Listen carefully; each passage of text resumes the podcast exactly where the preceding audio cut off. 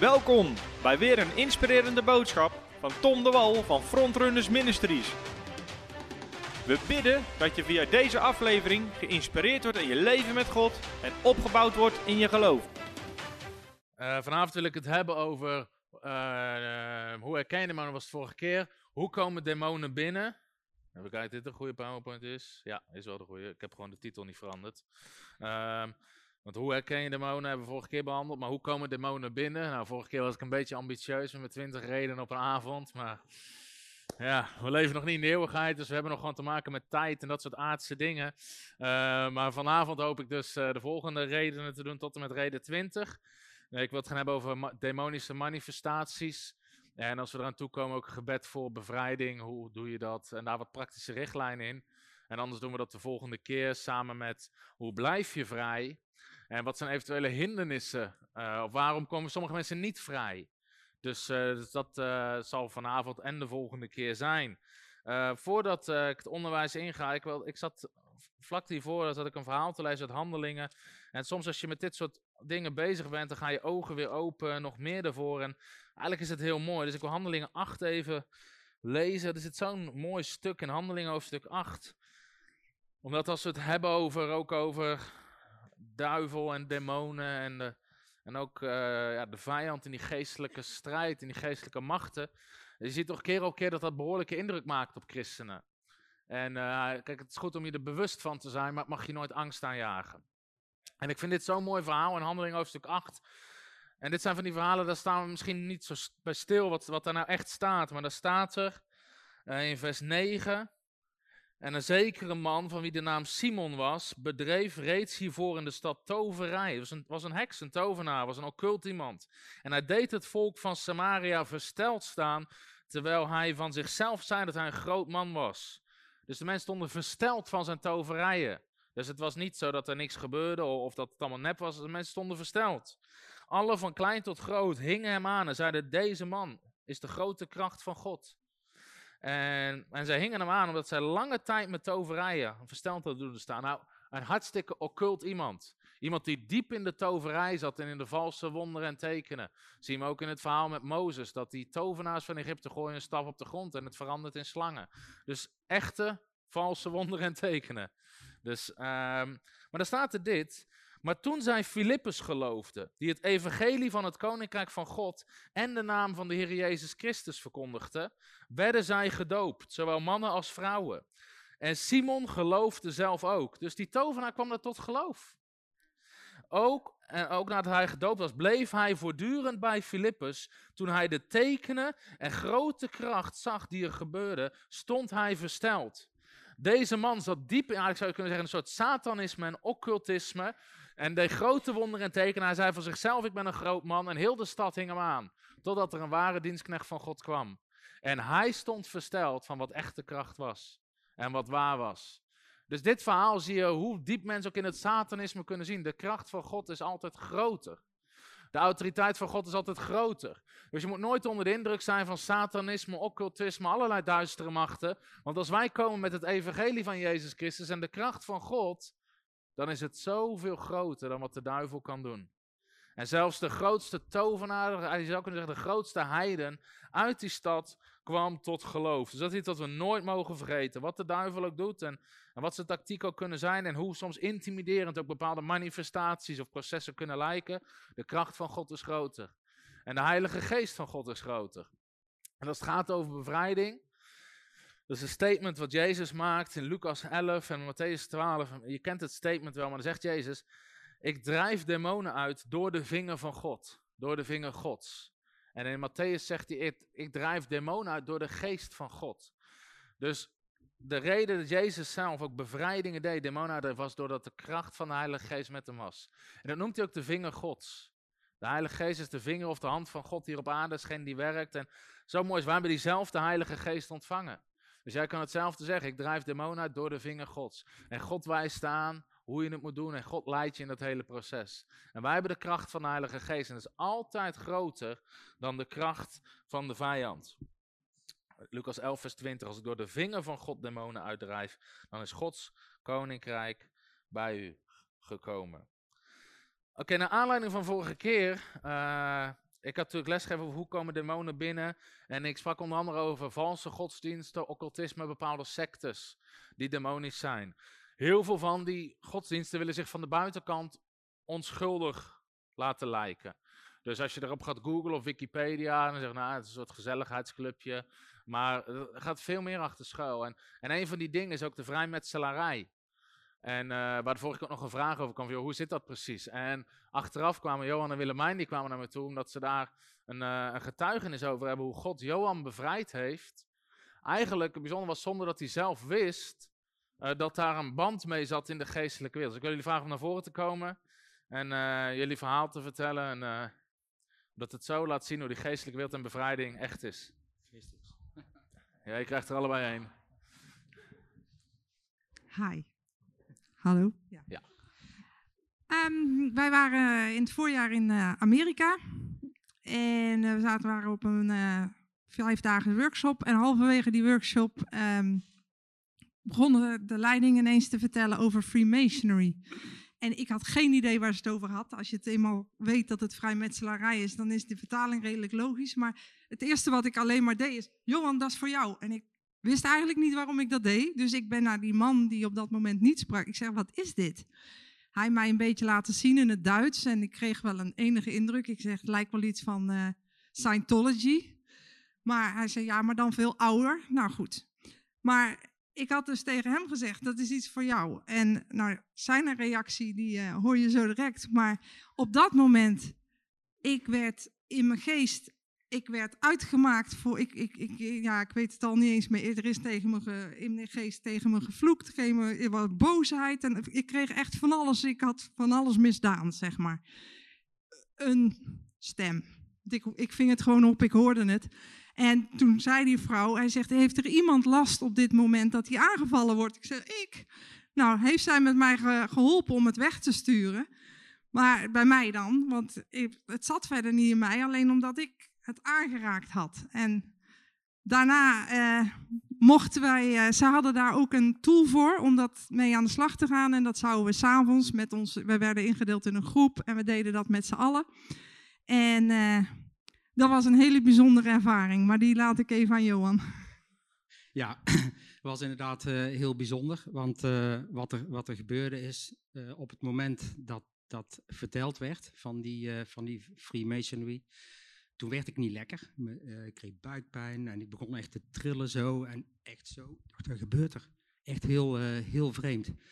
En die Amerikanen zeiden gelijk van, nou, we gaan straks gewoon bidden met z'n allen. Want we hebben het idee dat dit met kracht aangepakt moet worden. Dus we helpen je. En nou, toen hebben we dat dus ook, ook gedaan met een gebed van ongeveer 8 tot 10 pagina's. En ik begon daaraan en ik dacht, nou, dat lees ik wel even op. Dat, dat is verder geen probleem.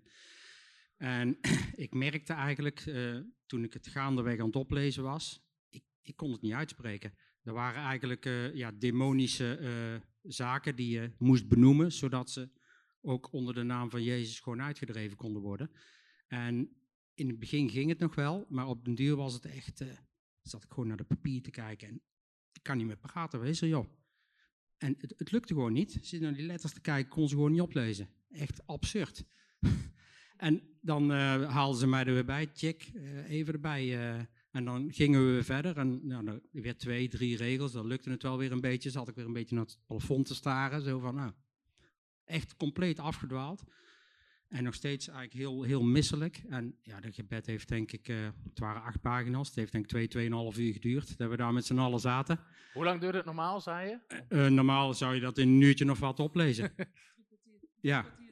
En dit heeft twee, tweeënhalf uur geduurd. En gaandeweg dat gebed ging het wel steeds beter. En werd er ook steeds meer geproclameerd, Jezus is sterker. En ja, die demonen die zullen, die zullen weggaan. En toen begon ik me ook echt veel beter te voelen. Veel meer rust, veel meer liefde begon ik te voelen. Mijn hart ging open en ik had echt zoiets van, wauw, yes. De Heer is groot. Ja. Amen. Ja, ja. Wat, um, wat bijzonder, wat tenminste wat ik heel fijn vond, want in principe zou je dat met z'n tweeën s'avonds gewoon in je hotelkamer moeten doen. Maar onze groep, we werden in groepen met uh, vier stellen ingedeeld. En iedereen had zoiets, we gaan met jullie staan. En daar ben ik zo op de dag van vandaag nog zo dankbaar voor. Want dit hadden wij Dit was nou echt een echt. Nou, nou. Iedere keer als hij niet kon praten, dan stonden wij met z'n zevenen. We, we zegenden hem. We hebben in- nou echt bijna, wij hebben bijna 2,5 uur in tongen gebeden. En we hebben dingen geproclameerd positief over een bijbeltekst en weet ik van. En zo hebben we hem er doorheen moeten helpen. Dus het was echt heel bizar. En wij kenden dit niet. We, we wisten, ik vloepte dat er wel uit, maar Zou waarom ik dat eruit Ja. vloepte, weet ik niet. Maar ja, vanuit de geest dat je dat zei, ja. Ja. Ja. Ja, want jij, zou, jij, jij wist niet dat het in je familie... Je hebt wel een vermoeden, maar je wist het niet zeker. Nee, ik, eh, m- wellicht bij de moeder van mijn, eh, van mijn moeder. Maar ik, ik heb daar nooit meegekregen, of ik kan het ook niet staven dat het eh, allemaal klopt. Maar een, een vermoeden inderdaad. En de verandering daarna, want daar vertelde jij iets over. Ja, nou, eh er was eigenlijk best wel ook een ommekeer van die. eh, we waren daar tweeënhalve week en het was echt een ommekeer. We gingen in ja, er ging van alles open. En eh, op dat moment die workshop, die conferentie waar we in zaten, was Love After Marriage. Dus dat gaat, je bent getrouwd en je wil een diepere relatie met elkaar en, en God in je huwelijk. En ja, vanaf dat moment ging het ook echt veel makkelijker, dieper. We hebben gewoon een geweldige tijd gehad samen. Minder ups en downs, zei je ook, toch? Ja, hij werd, ja, het was alleen maar up eigenlijk. Ja, daarna, ja. Maar het bijzonder vond ik, jij zei ook, ja, daarvoor dacht je wel eens, joh, gaat op en neer, maar kan...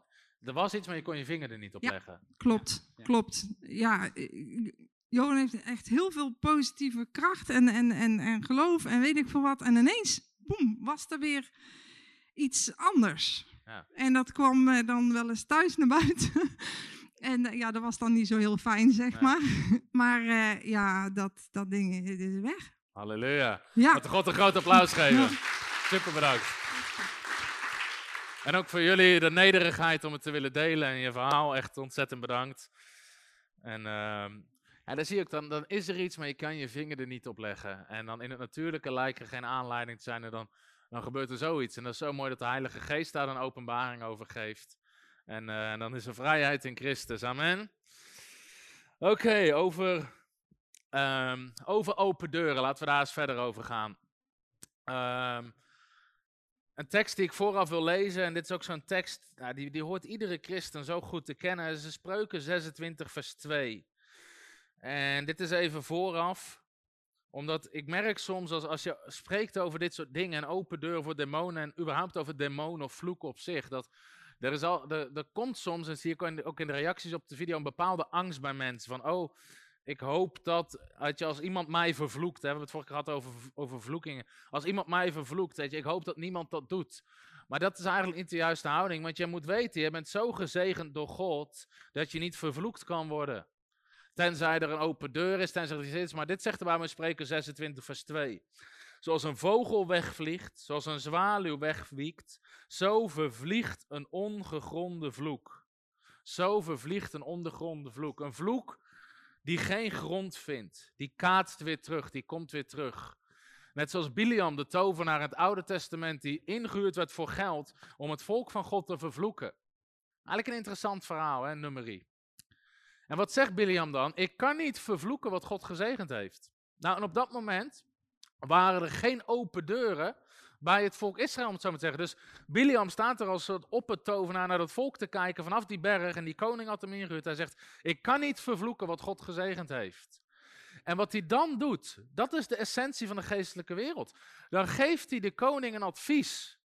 En dan zegt hij, ik kan ze niet vervloeken. Hij zegt, maar als jij zorgt, even vrij vertaald, dat ze de deur openzetten, dan gaat de zegen automatisch weg en dan komt de vloek. Dan, kan, dan zal de vervloeking zijn. En in dat gesprek heeft die koning gezegd, maar hoe doe ik dat? En dan zegt hij, laat ze huwelijken sluiten met andere volken. Laat ze die deuren openen naar die goden van die andere volken. Laat ze die deur openen waarvan God heeft gezegd, doe dat niet. En ze doen het en inderdaad, de zegen is weg en er komt ellende over het land. Dus Biliam, die tovenaar, die wist ontzettend goed hoe die geestelijke wereld werkte. En hij wist ook precies hoe hij daarop in moest spelen met zijn raad en advies. Maar als jij gewoon met God wandelt en, en ook iemand vervloekt jou, het komt niet aan. Het komt niet aan. Laten we verder gaan over die. ehm, over de open deur die er eventueel kunnen zijn. Vorige keer zijn we gebleven bij het lasteren van de heerlijkheden. En dat uh, viel ook onder de leringen van demonen. Nou, daar hebben we het over gehad. Ik wil je nog wel iets over zeggen, over, die leer, over de lasteren van de heerlijkheden. Demonen hebben een rothekel aan de werking van de Heilige Geest. Amen. Demonen hebben een rothekel aan de werking van de Heilige Geest. Daarom zie ik op het moment dat de geest van God begint te werken in bepaalde kerken, komt er altijd ontzettend veel weerstand. Zoals opgevallen? Als de kracht van God komt en er, en er komen genezingen of bevrijdingen of, of wat voor uitstortingen van de geest van God dan ook, dan, dan begint er ook in één keer van alles te gebeuren. Van kritiek en verdeeldheid en mensen hebben meningen. En omdat de, de demonen weten hoe die geestelijke wereld werkt. Die weten, we kunnen dat blussen. Waarom zegt blus de geest niet uit? Dus die weten hoe dat werkt. Dus daar kritiek en verdeeldheid en commentaar op kunnen laten ontstaan. En Weet je, dan weten ze hoe ze dat moeten blussen. Maar dat is heel frappant. Dus als je, dat gaat je opvallen. Van, joh, er gebeurt iets in de kerk. Dat is een krachtig wonder van God. Of genezing of bevrijding. Of er wordt aangekondigd voor genezingsdiensten of bevrijdingsdiensten. En moet je maar eens opletten wat er gaat gebeuren. In de teams, in, wat er begint te spelen. In de geestelijke wereld beginnen dingen al te schudden. En dat is heel goed om daar alert over te zijn. Oké, de open deuren. Dus dit waren ze. De vorige keer die we hebben behandeld. Zonde occultisme valse godsdiensten, generatievloeken, vloeken, seksuele onreinheid, verslavingen en geestelijke dwalingen. Die hebben we de vorige keer behandeld. Dit is manier nummer 8. Negatieve invloeden van voor de geboorte. Negatieve invloeden van voor de geboorte.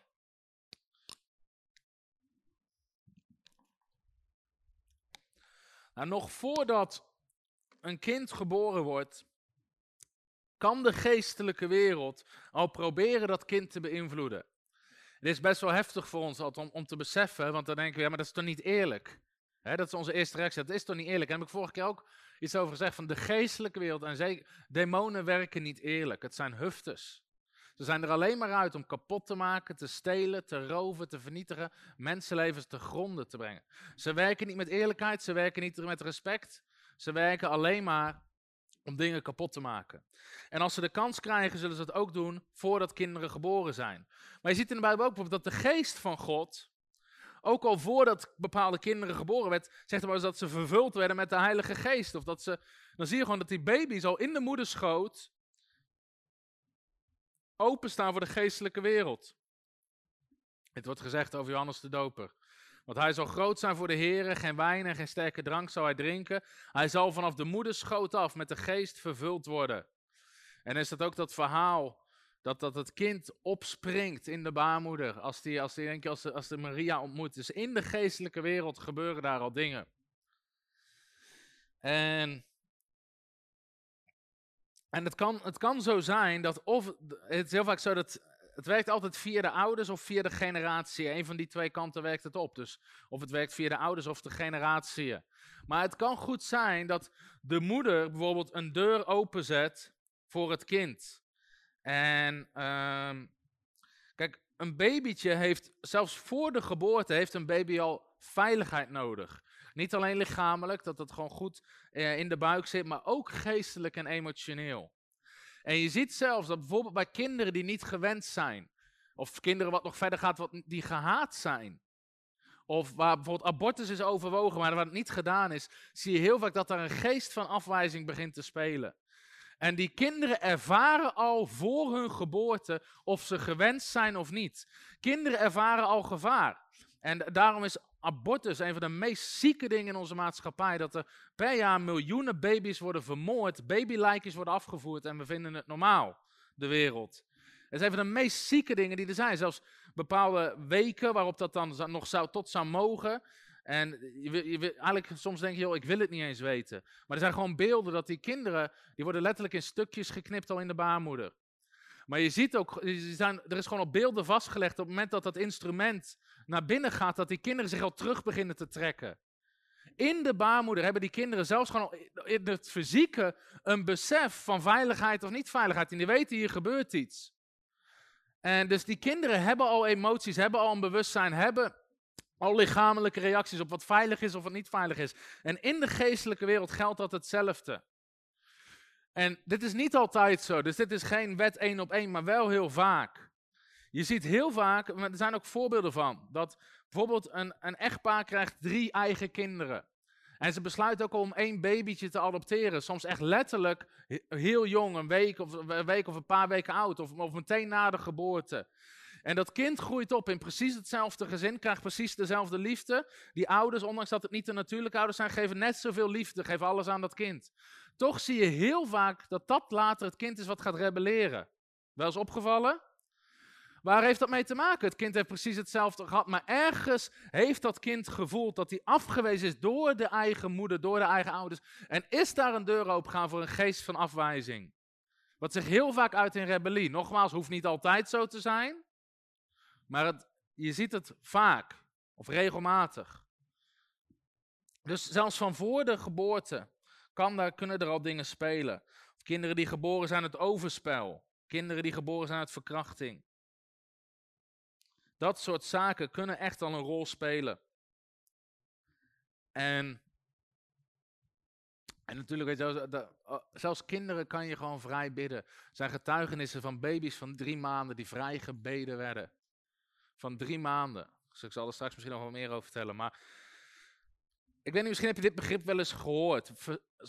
over sommige mensen zeggen ze, ja, maar die zijn verslaafd geboren. Heb je dat wel eens gehoord?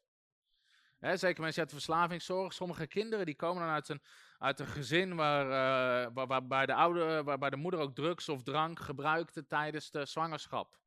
En dan heel vaak zie je later dat die kinderen ook verslaafd raken. En dan wordt er gezegd, maar die zijn verslaafd geboren. Er is een hele periode geweest, vanaf de bevalling tot en met zo'n kind misschien, ja, pak een beetje tussen de 12, 18, wat dan ook is, helemaal vrij is geweest. Want, want de kinderen gebruiken geen drugs of drank in een normale situatie. Dus toch zit daar ergens, ik geloof niet per se dat dat lichamelijk is. Want zo'n kind is 10, soms 20 jaar, heeft helemaal geen drugs of alcohol binnen gehad. Maar wat is daar veel vaker aan de hand? In de geest is dat overgedragen. In de geest is dat patroon erin geplat. In de geestelijke wereld heeft dat een deur geopend voor demonie. En door dat drank- en drugsgebruik zijn die, zijn die muren gevallen en, is zelfs zo'n kind kan daar slachtoffer van worden. En uh, dus dat zijn, dat zijn dingen die daar kunnen spelen. En ik heb, zit soms te twijfelen van, joh, welke verhalen vertel je wel en welke verhalen vertel je niet. Nogmaals, om de reden aan het begin, dat christenen moeten altijd meer onder de indruk zijn van de kracht van de Heilige Geest dan de kracht van de duivel. Maar een van de meest bizarre verhalen die ik ooit heb gehoord over, uh, als je het niet wil horen, kan je je oren dicht doen. Achteraf, als mensen via YouTube kijken, kan je natuurlijk even het geluid uitzetten. Maar uh, een van de meest bizarre verhalen over, over hoe, hoe de demonische wereld een kind probeerde te beïnvloeden. En, en het was niet zozeer door het kind te bezetten, maar ergens hadden, was, ik hoorde dit verhaal van de Afrikaanse voorganger, betrouwbare man van God, gigantisch grote bediening daar. Hij vertelde dat er was een enorme, in dat gebied was enorm veel toverij, was enorm veel voodoo, was dat speelde, was gewoon heel normaal om toverdokters en voodoo om te kopen, om mensen te vervloeken, te vermoorden, dat soort dingen. In ieder geval, een vrouw uit zijn kerk was zwanger. En, uh, en die vrouw had al een paar kinderen, maar die, maar die vrouw die was zwanger. En er was daar iets gebeurd, ook een soort confrontatie met voodoo en toverdokters.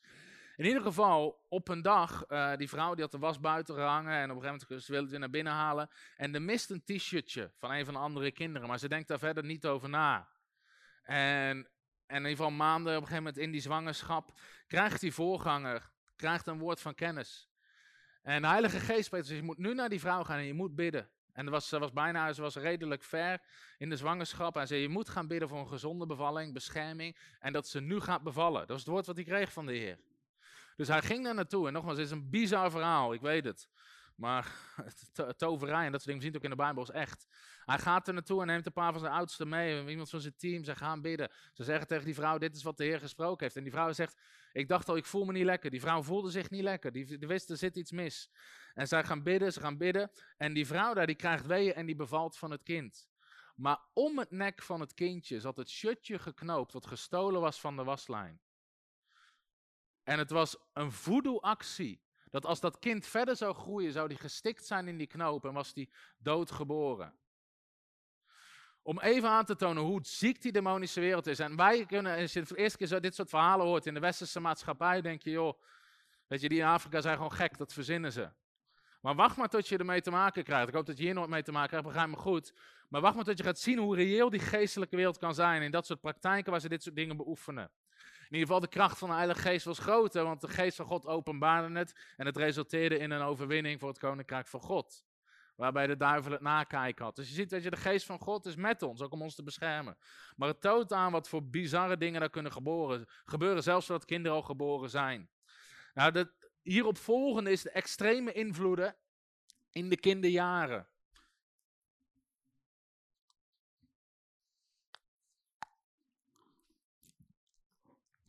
We hebben de vorige keer ook die tekst besproken. Wie een gat in de muur slaat, een slang zal hem bijten.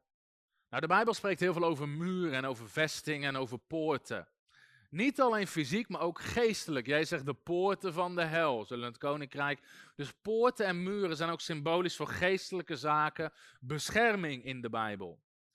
En kinderen hebben minder sterke muren nog geestelijk, hebben minder sterke muren emotioneel. Die zijn nog niet kunnen niet altijd balanceren van hoe ga je nou, wat zijn nou gezonde emoties en wat niet. Of, of zijn nog niet altijd geestelijk zo sterk. Dus kinderen zijn daar soms gevoeliger voor.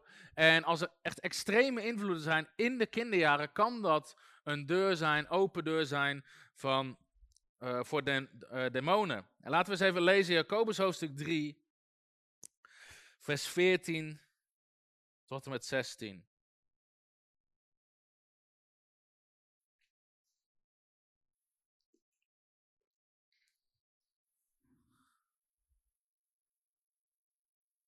Ik heb hem ook hier. Dat is eigenlijk wel grappig. Iedereen is heel lang aan het zoeken. Maar we hebben hem hier.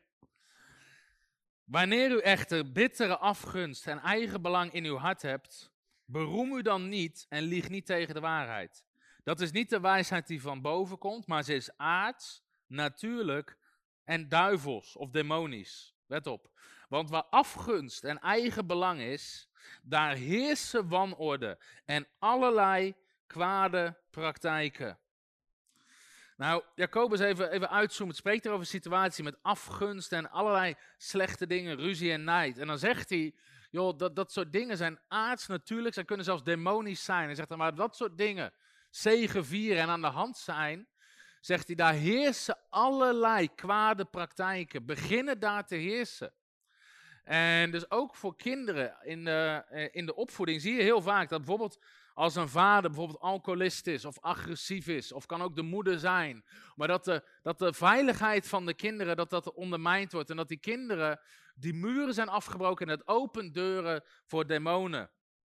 En zo zie je bijvoorbeeld dat soms een, bijvoorbeeld een gezin waar een vader alcoholist is en agressief is, dat een, uh, een verhaal wat we letterlijk hebben meegemaakt met bevrijding, waarin een, een meisje wat er opgroeide echt een diepe, diepe haat tegen mannen ontwikkelde. En vervolgens zie je dat bij sommige van die mensen dat hun hele leven lang blijven mannelijke gezagsfiguren een probleem in hun leven. Omdat er ergens een geest van afwijzing, maar ook een geest van rebellie of soms een geest van angst is binnengekomen. En heel vaak, totdat mensen daarvan bevrijd worden, blijft dat een probleem in hun leven. Iets anders wat je ziet is soms op, op het gebied van seksualiteit. Dat heel, niet altijd, maar je ziet wel regelmatig dat, dat mensen die neigen naar relaties met hetzelfde geslacht, niet altijd, maar dat ze hele slechte ervaringen hebben. Bijvoorbeeld inderdaad een meisje wat, ik, ik ken ook letterlijk dat soort verhalen waarvan een meisje, haar vader was zwaar alcoholist, driftig, agressief, slaan, dat soort dingen. En dat was de enige ervaring met mannelijke figuren. En ergens gebeurt daar iets. Een geest van afwijzing, maar ook een, een raar beeld van orde in de schepping, waardoor ze gaan neigen naar tegennatuurlijke dingen.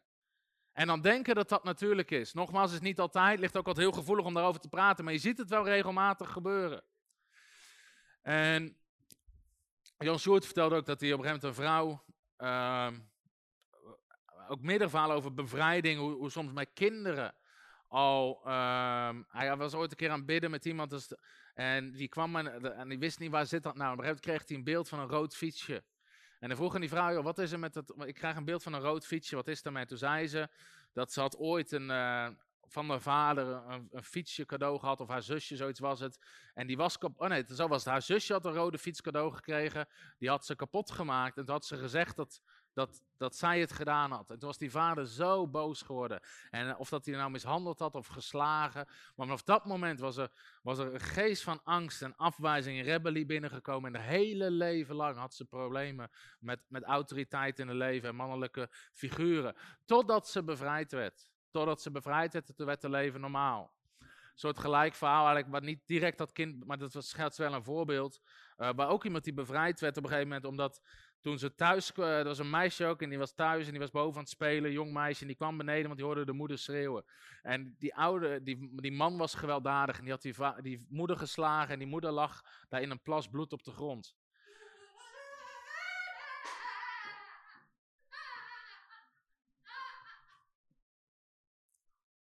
Kom eens naar voren. Nou, dat kan dus de praktijk zijn. Ik weet niet of je het al voelde, maar heel de tijd was er iets. Zie je? Dus dit zijn die geestelijke dynamieken. Heel de tijd speelt er iets. En we gaan het vanavond wel hebben over, de, over demonen, maar op een, gegeven moment, op een gegeven moment voelen ze zich in het nauw gedreven. En dan beginnen ze zelfs al atmosfeer te beïnvloeden. Tot en demonen in een persoon kunnen zich zo in het nauw gedreven worden als bepaalde zaken aangehaald worden, dat, dat, ze kunnen het niet meer uithouden. Ze kunnen het niet meer uithouden. Zelfs wat bij Jezus gebeurde, op een herkenden ze Jezus, zeiden ze, oh nee, hij is gekomen om ons te pijnigen. In één keer zitten ze in het, en ze beginnen te schreeuwen. Maar dit zijn dus eigenlijk, dit zijn gewoon de mooiste lessen, want dit zijn praktijklessen. Dat heel de tijd voel je al iets, alleen je weet niet van, joh, wat, wat gaat er gebeuren? Uh, en het is ook niet zo altijd dat, dat, als dat zo is, maar heel vaak heb ik wel gemerkt, ook tijdens het preken, soms in gemeentes kom je er niet doorheen, omdat er een demonische geest ergens, ergens iets zit te doen. Het is niet altijd dat hij begint te manifesteren, maar heel vaak voel je dat soort dingen wel aan. Dus vanavond is wel een heel mooi voorbeeld, want heel veel mensen voelen iets, maar denken, ja, wat is het? Weet je wel, totdat het, uh, ja, totdat duidelijk wordt. Oké. Waar waren we gebleven? Dus, dus dat soort zaken kunnen gebeuren. Dus ook in de Bijbel, hè, dit is wel bizar, maar ook in de Bijbel lees je zo over kinderen die, uh, die, die, die, die demonisch beïnvloed waren.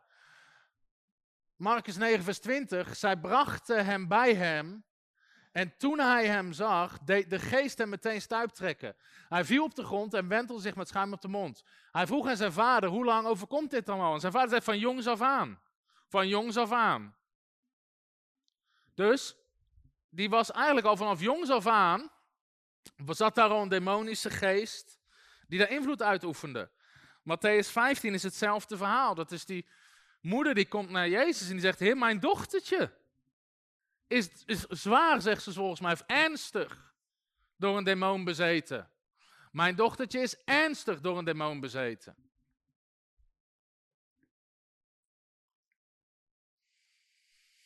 Dus, dus dat soort dingen kunnen verwerping, woede, angst, opstandigheid, ellende, eenzaamheid, dat soort geesten kunnen binnenkomen. Depressiviteit, soms zelfs zelfmoord. Heel vaak zit de geest van zelfmoord gekoppeld aan een geest van afwijzing. Ik weet niet of we eraan toe komen, nog demonische groepen, maar je gaat vaak bepaalde geesten die samenwerken, ga je leren herkennen.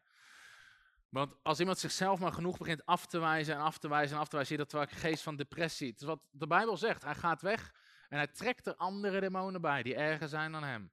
Dus de ene demon opent een deur en die begint andere demonen erbij te trekken. Het opent met een geest van, van afwijzing. Dan komt er een geest van depressie, een geest van zelfmoord. Net zo om iemand gek te drijven totdat hij zelfmoord pleegt. En overigens over zelfmoord, ik geloof dat dat altijd 100% demonisch is. Jezus zegt, de duivel is een mensenmoordenaar vanaf het begin. Johannes 8 vers 4. Hij is de mensenmoordenaar vanaf het begin. Johannes 8 vers 44. Maar goed, kinderen kunnen dus extra kwetsbaar zijn. Frank en Ida Hammond vertelde het verhaal van die baby van drie maanden oud, die gewoon al raar gedrag vertoonde. Het huwelijk zat ook niet goed, of de relatie waar dat kind uit was ook niet goed. En op een gegeven moment uh, Ida, die vrouw, die, die pakte dat kind beet en die begon te bidden voor bevrijding. En dat kind van drie maanden oud begon te krijsen, verstijfde, krimpte in elkaar. En die werd bevrijd van meerdere demonen. En daarna was die baby zo rustig zoals hij nooit was geweest. Dus zelfs bevrijding bij uh, baby's. Dit is, een, dit is een bizar verhaal, maar wel een heel mooi verhaal. Ook wat zij vertellen over een meisje van zes jaar. Ze heette Mary. En die had allerlei problemen. Wat zorgde ook voor allerlei problemen in het gezin. Ze was enorm koppig, enorm eigenzinnig, enorm manipulatief. Uh, de ouders waren ook gescheiden en uh, er was ook van alles gebeurd. Het was niet, absoluut niet lekker gegaan. En dat meisje was zelfs angstig voor geesten s'nachts. En meisje van zes jaar had allerlei rare dingen. Brengt die vader, brengt haar bij hun om te vragen, om te bidden voor bevrijding. En zij vertellen dat verhaal dat op een gegeven moment die, zij besluit van, joh, we gaan voorzichtig ermee om. Dus ze zegt van, joh, um, je, je ziet s'nachts geest, je hebt last van deze dingen. En dat meisje, weet je wel, die zegt, ja, dat klopt. En op een gegeven moment ze gaat bidden voor bevrijding. En terwijl ze bidt voor bevrijding, zegt dat meisje, ik hou niet van wat u zegt. Ik hou niet van wat u zegt. En je zou kunnen denken dat het natuurlijk was, maar ze komt erachter. Wacht, wacht dit is geen natuurlijk, dit is, dit is een demon. En het was een demon gewoon die meteen begon te manifesteren. Die, uh, en die dreef ze eruit. En er kwamen allerlei manifestaties. Op een gegeven moment ook dat meisje. Weet je, ze hielden dat meisje vast, die vader. Uh, uh, om voor haar te bidden. En toen, en toen zei die demon dit. Als u van mij zou houden, zou u mij niet zo vasthouden. Een geest van afwijzing. Een geest van afwijzing, een geest van verwerping. Als u van mij zou houden, zou u me niet zo vasthouden. Op een gegeven moment begon dat meisje te schreeuwen: Ik haat u, ik haat u. Dat was een geest van haat. En iedere keer als ze die geest eruit dreven, stopte dat wat ze zei en begon ze iets anders te zeggen. Waardoor je zag dat het demonen waren. Op een gegeven moment schreeuwde een meisje van zes jaar: Ik wil een mes en u doodsteken. En ze geest van dood, ga eruit. En ze begon weer wat anders te roepen. En en toen riep ze nooit zal iemand mij vertellen wat ik moet doen. Dat is een geest van rebellie. Werd eruit gedreven. Op een gegeven moment begon ze te klauwen naar het gezicht van die vrouw. Geest van woede en geweld werd eruit gedreven. Op een gegeven moment begon ze verward te doen. Ze schuimbekken en haar haar te krabben. En die geest van verwarring stuurde ze uit. En toen was dat weer klaar. Op een gegeven moment begon ze met twee stemmen te spreken. Met de geest van schizofrenie werd eruit gedreven. Meisje van zes jaar uit. Uiteindelijk begon ze te spugen, een grote slijm, maar kwam ze helemaal vrij. En dat meisje daarvoor en daarna was gewoon een wereld van verschil. Werd gewoon eigenlijk een normaal kind, om zo maar te zeggen. Maar al die geesten werden eruit gedreven. Kan je nagaan wat er met dat meisje was gebeurd als die was opgegroeid en die geesten waren gegroeid in invloed. Waar haar leven was geëindigd. Maar er waren open deuren geweest, ook door alles wat daar gebeurd was. En maar uiteindelijk werd dat meisje vrijgezet. En uh, dus dat kan, uh, zeker bij kinderen. Uh, mijn ervaring is wel met dit soort dingen. Nou, ik geloof nooit zo in het heel erg diep zitten zoeken. Waar komt iets vandaan? Dat is niet de opdracht. Ook niet waar zit precies iets. Toen ik in Oekraïne een conferentie deed, op een gegeven moment mochten mensen ook vragen stellen. En zeiden ze, ja, waar zit die demon in de geest, in de ziel, in het lichaam? En ik, ja, we kunnen wel een hele Bijbel doen. Ik zei, joh, dat is niet zo heel relevant. De opdracht is, drijf ze uit, niet zoek ze uit. Weet je wel, we hoeven niet uit te zoeken van, hoe, waar zit die precies? En weet je, ze moeten eruit. Uh, en dat is het belangrijkste. Mijn ervaring ook wel is dat het is vaak ook niet ontzettend diep zoeken. Want soms zitten mensen dan meteen van, ja, hoe is er voor mij voor mijn geboorte iets gebeurd, bijvoorbeeld. Uh, maar heel vaak, als er voor je geboorte iets niet goed zat, dan is, heb je dat ook echt wel gemerkt in je opvoeding en de periode daarna. Dus heel vaak zie je dan echt wel patronen en is het niet zo van, oh, misschien is daar, ja, ik had wel een hele goede jeugd, maar misschien is er ooit iets gebeurd wat ik niet weet en misschien, nee, dat is heel vaak niet aan de hand. Is heel vaak niet aan de hand. Nou, Jan Soert vertelde ook, had ooit een, een, meisje bevrijd. En op een gegeven moment kwamen, kwamen ze erachter, want die moeder vertelde dat. En het was, uiteindelijk was zij ook al een vrouw geworden. Maar tijdens de bevalling, op een gegeven moment leek die bevalling mis te gaan. En toen zeiden de artsen, we zijn de moeder en de dochter kwijt. En die moeder werd, toen ze dat hoorde, zo overvallen met een dood. Zo totale paniek en angst. En dat meisje dat geboren werd, werd heel de leven lang een gigantisch angstprobleem omdat er werd zo'n open deur van totale paniek en angst. Dat alle veiligheid viel weg. En die geest van angst, die, die moeder greep op dat moment, kwam ook in dat meisje. Totdat, totdat ze bevrijd werd. En vanaf dat moment was ze vrij van die angst. En dat heeft dan, gaan we door naar de volgende reden. Emotionele overbelasting. Of traumatische gebeurtenissen. Emotionele overbelasting of traumatische gebeurtenissen. En dat is nogmaals, het gaat niet om gewoon, iedereen is wel eens emotioneel te kunnen emotionele dingen gebeuren. Dit is weer die tekst, wie een I staat hier. Wie een gat slaat in een muur, een slang zal hem bijten. Efeze 4, vers 26. Word boos, maar zondig niet. Laat de zon niet ondergaan over uw boosheid. En Meteen in dezelfde lijn, geef de duivel geen plaats. Dus eigenlijk zegt Paulus, joh, weet je, iedereen wordt wel eens boos. Iedereen wordt, uh, weet je, dat, het kan gewoon gebeuren dat je boos wordt. Maar Paulus legt meteen twee linken. Hij zegt ten eerste zondig niet. Dus laat je boosheid niet overgaan naar zonde. Naar agressie, schelden, wat dan ook. Weet je, word boos, maar zondig niet. Wees even boos en koel weer af. Word boos, maar zondig niet. En hij zegt zelfs, zorg dat het niet te lang duurt. Zorg dat daar geen emotionele eigenlijk overbelasting komt. Hij zegt eigenlijk, als het enigszins in je macht is, laat de zon niet ondergaan over uw boosheid. Is ook een gigantisch goed huwelijksadvies.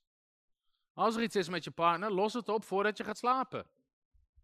Krijg je er gratis bij, bij de cursus Demonie en Bevrijding.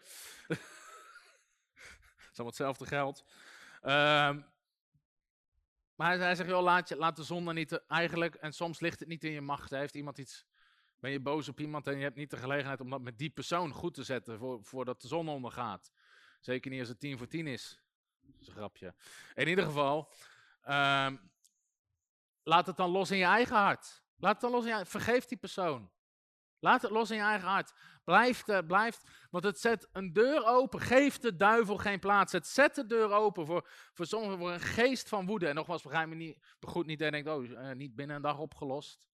Het gaat over niet gezond daarmee omgaan, iets koesteren en vasthouden. Het zet de deur open voor een geest van haat, of een geest van woede, of een geest van boosheid. En er zijn ook best wel veel mensen die moeten bij zichzelf. Wat je, wat je vaak daarin ziet, is een soort ongecontroleerde woede. Er zit heel weinig tussen. In één keer is het alsof er iets knapt. En dan zeggen ze ook, ja, maar ik heb mezelf dan niet in de hand. Ik heb mezelf dan niet in de hand. En dan moet eigenlijk een belletje doen rinkelen. Eigenlijk zeggen ik word even overgenomen. Is eigenlijk wat ze zeggen. Ik heb mezelf niet in hand. In één keer gebeurt er iets. En de grote kans dat ergens een geest van woede of een geest van, uh, van boosheid binnen is gekomen. Uh, Paulus ook in de context van, zeg maar gewoon emoties, zegt hij, er was dus iets gebeurd in de gemeente. En dan zegt hij, degene wie u nu iets vergeeft, die vergeef ik ook.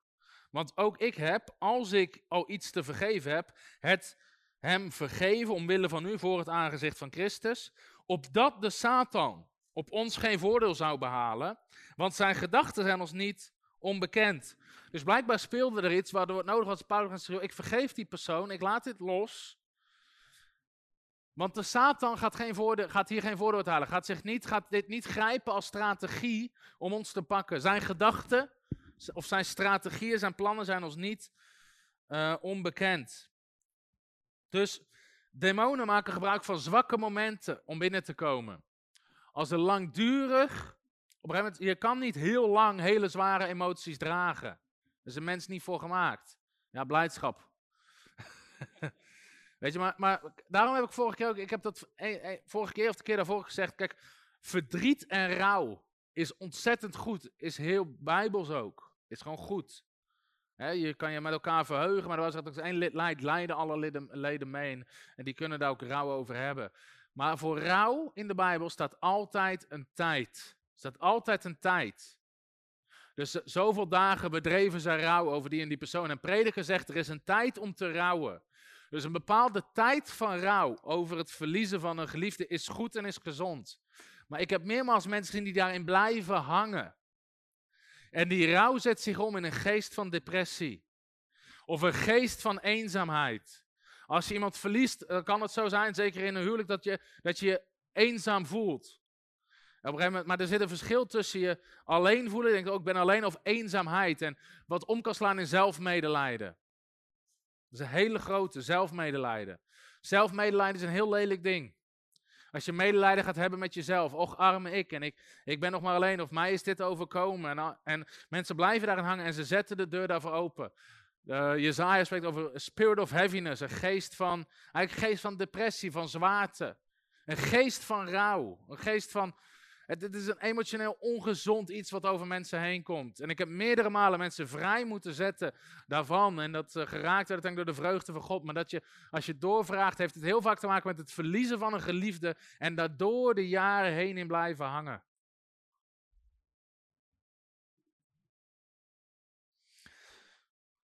Dus ze maken gebruik van zwakke momenten. Dus soms gebeurt er in één keer een heftig auto-ongeluk. Waarin iemand een totale paniek en angst is. En, en onder adrenaline in die auto zit van wat er net gebeurd is. En dat, weet je, dat soort dingen kunnen gebeuren. Maar sommige mensen blijven daarin hangen. En soms kunnen dat soort traumatische ervaringen in één keer zo'n overweldige explosie aan emoties. Dat de muren in één keer van wat gezond is en wat niet is worden. Dat er één keer een leugen binnenkomt. Ik ga nooit meer auto rijden. En ik heb het er al over gehad, over mensen, beloftes die mensen naar zichzelf doen. Of een soort bezweringen naar zichzelf, een zelfbelofte die niet gezond is. Ik zal nooit meer auto rijden. En mensen trappen ergens in een, in een, een val van de vijand in één keer. Kijk, de Bijbel beschrijft het niet voor niks als geestelijke strijd. het wordt vurige pijlen genoemd. En als jij je wapenuitrusting en je schild gewoon hebt, ben je niet te raken. Wanneer is het te raken? Als in één keer dat schild naar beneden is, als in één keer een deel van die wapenuitrusting niet op zijn plek is.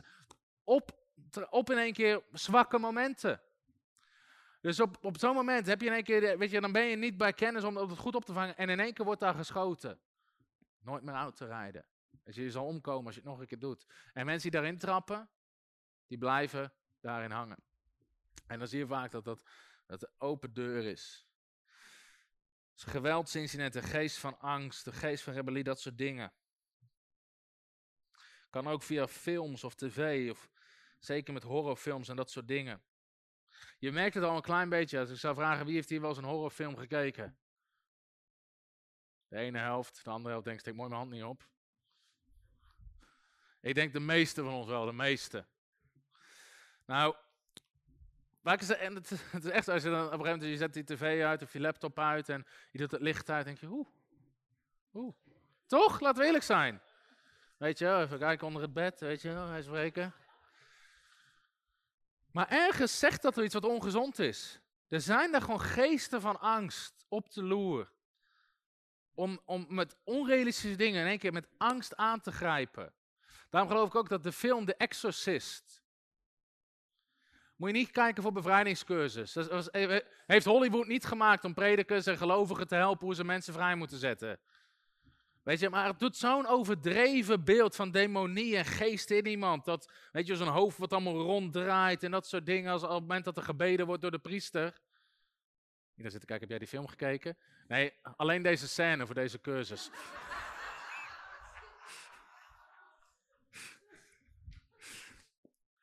Weet je, maar ergens willen ze daar al een stuk intimidatie erin leggen.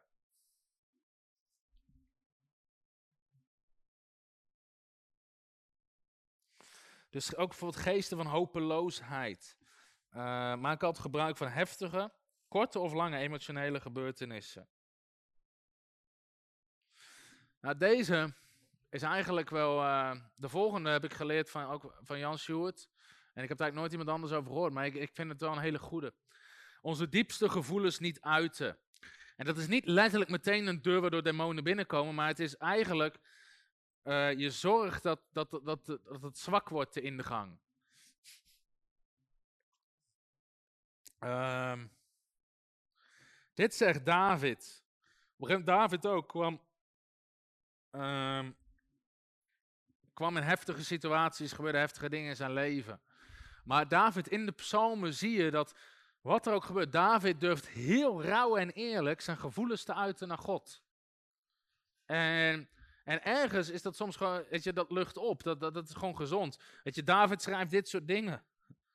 Laat de dood hen als een schuldeiser overvallen. Laat hen levend in het graf neerdalen, want kwaad heerst in hun woning en in hun binnenste. Soms schrijft David dingen en je denkt, joh, David was je wel helemaal in de geest. Weet je, had je wel genoeg in tongentaal gebeden die dag. Maar ergens durfde David wel alles te zeggen in zijn relatie met God. En dit is wel zo interessant, want dit is wat Petrus zegt. Werp al uw zorg op hem, want hij zorgt voor u. Maar dan meteen wees nuchter en waakzaam, want uw tegenpartij de duivel gaat rond als een brullende leeuw op zoek wie hij zou kunnen verslinden. Als je ergens niet durft om je zorgen en waar je mee zit op de heren te werpen en los te laten, maar daar zelf mee rond blijft lopen, dan open je een deur voor de duivel. Want je houdt dingen bij jezelf in plaats van ze over te geven aan God.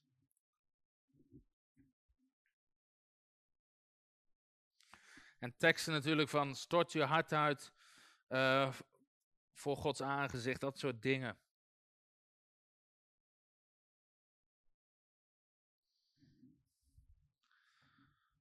En soms is het gewoon heel gezond om daarmee mee te dealen.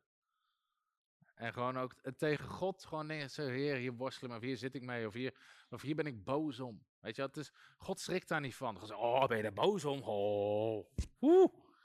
Weet je, juist het helpt van je boosheid af te komen door dingen gewoon eerlijk aan God te vertellen. En Jan Soert vertelt dit verhaal van een vrouw, een christenvrouw, en die was eigenlijk best wel op het depressieve af. En, en op een gegeven moment, hij ontmoette haar op een conferentie.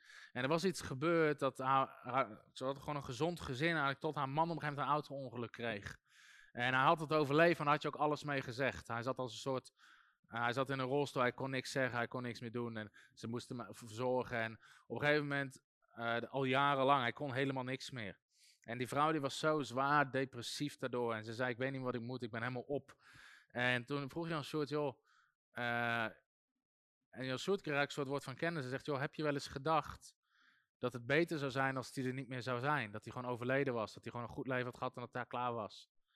En, en die vrouw die staan, ze, ze zegt, ja, maar dat, zo mag ik toch niet denken, zei ze. Dat mag ik toch niet denken? En eh, dus Jan Soort, ah, daar gaat het niet zozeer om. Heb je dat wel eens tegen God gezegd? Nee, nee, nee, dat mag je niet tegen de Heer zeggen. Weet je, alsof God wel ziet dat jij denkt, maar dan denkt van, nou, ik zeg het maar niet. Weet je, en Jan Soort zegt, joh, zeg het gewoon tegen God. Uit gewoon eens je gevoelens. Werp je zorgen eens op de Heer, weet je. En die vrouw begint, die had dat gedaan. En ze kwam eigenlijk terug als een veranderd mens. Want ze had, ze had eigenlijk een deel, een gewicht op zichzelf gehouden. En daar niet mee willen dealen. Om te denken, ja, maar dat, weet je, dat zo mag ik niet denken. En, en juist door het gewoon te zeggen, kon God daar aanraken en de genezen nieuwe kracht geven. En dus ik denk dat dat soort dingen kunnen ook gewoon ehm, belangrijk zijn. Ik, wil je, ik ga je nog wel wat. eh, maar goed, om, als je dingen opkropt, is de kans veel groter dat je het ongezond verwerkt. Het is vaak niet altijd zo, maar een van de redenen, één van de redenen waarop soms mensen niet vrijkomen, is omdat ze nog iets achterhouden. Is omdat ze ook dingen achterhouden die ze niet in het licht willen brengen. En dan heel vaak zie je dat daar toch een grond zit waardoor mensen niet vrijkomen. En soms eh, kan dat door vragen stellen of door woorden van kennis, eh, dat je daar achter komt. Nummer 12. Deze is interessant. Het opleggen van handen. Het opleggen van handen. Nou, handoplegging natuurlijk als je in de kerk zit. Ik weet niet zo goed hoe ze dat in, eh, in traditionele kerkgemeenschappen doen of in katholieke kerk, dat weet ik niet. Maar in Pinkster, charismatische kerk, zijn de meeste mensen die dat tijd zitten zien, zien handopleggingen gebeuren. Bijvoorbeeld als er nieuwe oudsten of diaken ingezegend worden, of als iemand uitgezegend wordt op zendingsreis. Ik weet niet, doen ze dat ook in de traditionele kerk met handoplegging of niet? Ja? Ik zie mensen ja schudden. Dus, dus, dus ergens kennen we dat wel. Sommigen niet? Nee? Oké. Dan verschilt dat eh, misschien per kerk. Maar... Dus ergens kennen we het wel. Tegelijkertijd beseffen wij niet altijd de geestelijke waarde daarvan. Zoals in het Oude Testament. Hè, dat ze letterlijk, je ziet dat ook, dat ze op konden vechten. Jacob en Esau. Hè, die ene verkleedt zich als een beer om zich voor te doen dat hij zijn broer is. Om die handoplegging. Dus zij zagen dat niet zomaar als iets symbolisch. Zij zagen dat als iets geestelijks. En handoplegging is het overdragen van geestelijke kracht. Is het overdragen van geestelijke kracht. Van degene die geeft naar degene die ontvangt. Dus dat wordt in de Bijbel voor verschillende dingen gebruikt. Voor het genezen van zieken. Dan stroomt de kracht van de Heilige Geest door jou heen naar die andere persoon en die geneest. Of bij het aanstellen van oudsten. Is niet alleen van, nou, aai over zijn bol, veel succes, veel sterkte. Ik weet het, het zijn moeilijke mensen, maar eh, we bidden dat er doorheen komt. Weet je, dat is niet. dat is niet de essentie. Het is, geen, weet je, het is ook impartatie van geestelijke kracht. Van een stuk gave. Paulus zegt niet voor niks naar Timotheus. Ik herinner u aan die geestelijke gave aan te wakkeren. die u ontvangen hebt door mijn handoplegging.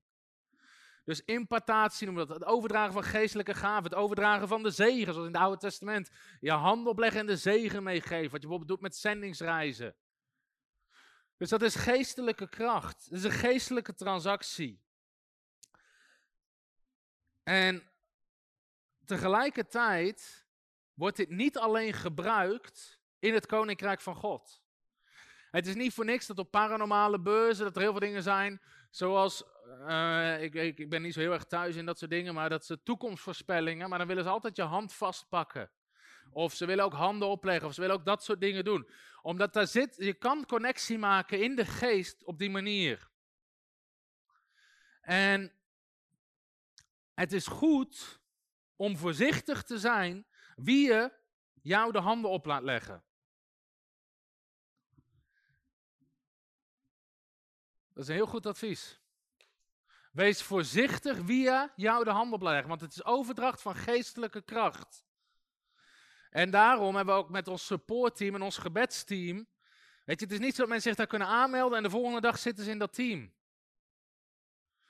Want je wil weten wie is dat? Wat voor leven leeft die persoon? En je wil zo iemand wat langer leren kennen. Voordat je hem bezig laat gaan met dat soort dingen, want daar zit een geestkracht, dynamiek aan. En het kan zo zijn, ook dat door het opleggen van handen, demonische geesten worden overgedragen. Nogmaals, hoef je niet bang voor te zijn als je in een goede kerk zit. Want in een goede kerk wordt er altijd geselecteerd op wie zit er in het gebedsteam. Maar daarom, als hier iemand binnenkomt die we niet kennen, die voor anderen begint te bidden, zullen we ze altijd corrigeren. Kan je zeggen, joh, u zult het ongetwijfeld goed bedoelen, maar we hebben geen idee wie u bent. En, en, dus we staan dat niet toe hier. En dan zie je heel vaak mensen zeggen, ja, maar je mag toch wel bidden voor je... Maar ze snappen niet dat die geestelijke dynamiek. En ik heb letterlijk meegemaakt dat mensen bezeten raakten door handoplegging. Van de verkeerde kant. En eigenlijk was een les die ik vrij snel leerde na mijn bekering. We waren met onze jeugdgroep, waren we uh, met z'n allen uh, naar een conferentie gegaan. Ik, werd, ik gaf daar mijn leven aan Jezus, werd vervuld met de Heilige Geest. En je ging ook in groepjes uiteen, et cetera. En er zat daar een meisje, die was mee uh, met onze jeugdgroep. En die had jarenlang, had ze eigenlijk last gehad van anorexia. Maar op een gegeven moment ging het heel goed. En was ze er, heel, was ze er eigenlijk voor, voor een behoorlijke eind vanaf. En ging het goed. En op een gegeven op dat jeugdkamp, was iets gebeurd dat ze in groepjes zijn gaan bidden. En iemand die ook niet in de leiding zat van dat kamp, maar iemand anders die daar rondliep, die had gezegd, ik wil voor jou bidden en had daar de handen opgelegd. En vanaf dat moment ging het zo slecht met haar. Al die dingen begonnen ook ter plekke diezelfde dag op te spelen. Nou, wij, met, met, met wie daar waren en de mensen die, toen ook leiding gaven aan de Youth Alpha groep waar ik zat, hadden niet de geestelijke kennis om daar een link te leggen. Maar het was pastor Herma, de vrouw van Hans Outhoff, die thuis een woord van kennis kreeg. En in een visioen of zo zag, of in de droom, een van die twee was het, dat iemand haar de handen op had gelegd en dat er een demonische geest was binnengekomen. Dus op een gegeven moment kwamen we terug en dat bleef maar doorgaan en ging slecht. Op een gegeven moment kwam pas en zei, joh, dit is wat ik gezien heb in een visioen. Of in een droom, ik weet niet meer precies wat het was. Klopt dat? En het klopte. En er is voor haar gebeden en zo was ze weer vrij. Maar het was binnengekomen via handoplegging. Dus daarom moet je daar voorzichtig mee zijn als het mensen zijn die je niet kent. Ik heb zo vaak na diensten, of nou hier is, zoals ik ergens anders spreek in het land, ben ik klaar en dan staan altijd mensen zeggen, broer, ik wil voor jou bidden. Ja, met je handen op je rug graag. Ik wil horen wat je zegt, maar je hoeft geen handen op te leggen. Ik weet niet wie je bent. En sommige mensen nemen daar meteen aanstoot aan. Nee, weet je, hou je handen thuis. Ik heb geen idee wie je bent. En ik ben daar best wel strikt in. Alleen mensen die ik ken, wil ik dat toestaan. Want ik, ik, ik weet hoe die geestelijke wereld werkt. En ik wil je adviseren om dat ook te doen. Dit is een advies, krijg je er ook gratis bij. Maar het is een open deur voor demonen. Leg niemand haastig de handen op. Het gaat over mensen handen opleggen, maar dat toont wel aan dat het, uh, dat het een geestelijke transactie is. Een geestelijke transactie. Iets waar je niet bang voor hoeft te zijn, is als jij handen oplegt op een ander, dat demonen bij jou binnenkomen. Heel belangrijk.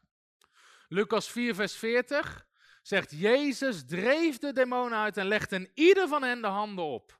Want soms zeggen mensen: ja, maar als ik dan demonen, natuurlijk, je moet ervan uitgaan, jij bent geestelijk de sterkere partij. We gaan er wel vanuit dat je. Ik raad je ook niet aan om naar, wij spreken, het satanistenbuurthuis te gaan en zeggen: ik ga even iedereen de hand opleggen raad ik je niet aan. Ja, staat niet zo op de gevel hoor. Maar uh, ja, dacht, wat doen al die zwarte bloemen in de tuin? Grapje. Oké, in ieder geval. Een paar mensen vinden het grappig. Uh, ja.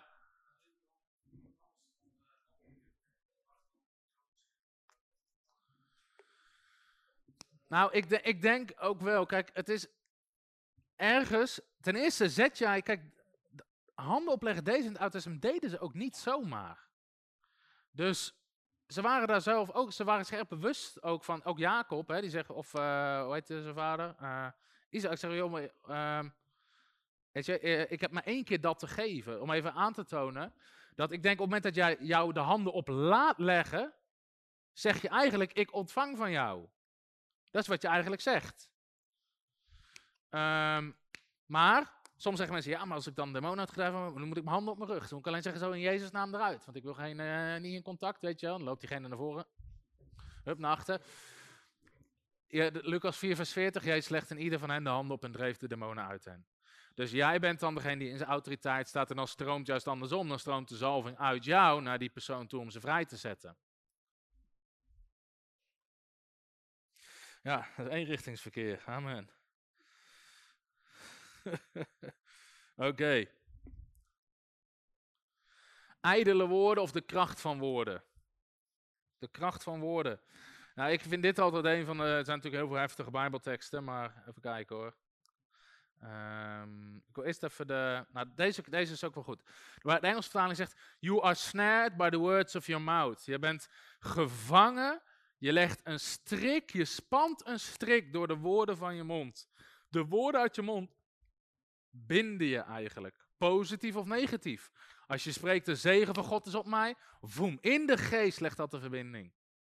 Naar de zegen van God. Goed, de, de bescherming van God is op mij. In de geest worden de engelen vrijgezet. Maar in de geest, met de woorden uit je mond ben je gemaakt om te regeren. En in de geest geef je ook met de woorden uit je mond toestemming aan de duivel of demonen om te handelen of toestemming te krijgen in je leven. Ben je verstrikt in de woorden van je mond? Er staan zegt, you are snared. Je bent gebonden bij de woorden van je mond. Dat is trouwens even interessant, hier iets over. Ik weet niet of jij dat merkt, maar ik merk dat als in de context hierover gaat het ook over een belofte doen aan iemand. Zeggen, ik zal dit doen. En dan zegt hij al, je bent verstrikt in de woorden van je mond. Want jij hebt tegen diegene gezegd, ik zal dat doen. Het verbaast mij hoe makkelijk sommige christenen omgaan met beloftes ze niet nakomen, niet meer aan denkt. Terwijl de Bijbel zegt, je bent verstrikt in de woorden van je mond. En er ligt daar een lijn naar die belofte totdat je hem ingelost hebt. Laat u ja en ja zijn, u nee en nee. Als je iets belooft, doe je het. Als je niet na kan komen, dan ga je dat afsluiten op een nette manier. Maar soms zijn, zijn christenen die beloven van alles en ze komen het nooit na. Maar je legt overal strikken, zeg maar. je legt overal lijntjes die je niet nakomt. Dit vind ik altijd een hele heftige tekst. Ik zeg u dat de mensen van elk nutteloos woord dat zij zullen spreken rekenschap moeten afleggen op de dag van het oordeel. Want op grond van uw woorden zult u rechtvaardig verklaard worden en op de grond van uw woorden zult u veroordeeld worden. Maar ieder nutteloos woord moet je rekenschap afleggen. God ziet woorden niet zomaar als een groep klanken of een groep letters. Woorden hebben geestelijke kracht. En vaak kennen we dat wel met positief beleiden, maar we beseffen niet soms wat dat doet in de geestelijke wereld met demonen. Woorden hebben macht over leven en dood. Nou, die kennen we wel. Maar dood is een macht ook, hè? De doodsmacht. Prediker 10, vers 20. Vervloek zelfs in uw gedachten de koning niet. En vervloek een rijke niet in uw slaapkamer. Want de vogels in de lucht zouden het geluid kunnen meevoeren.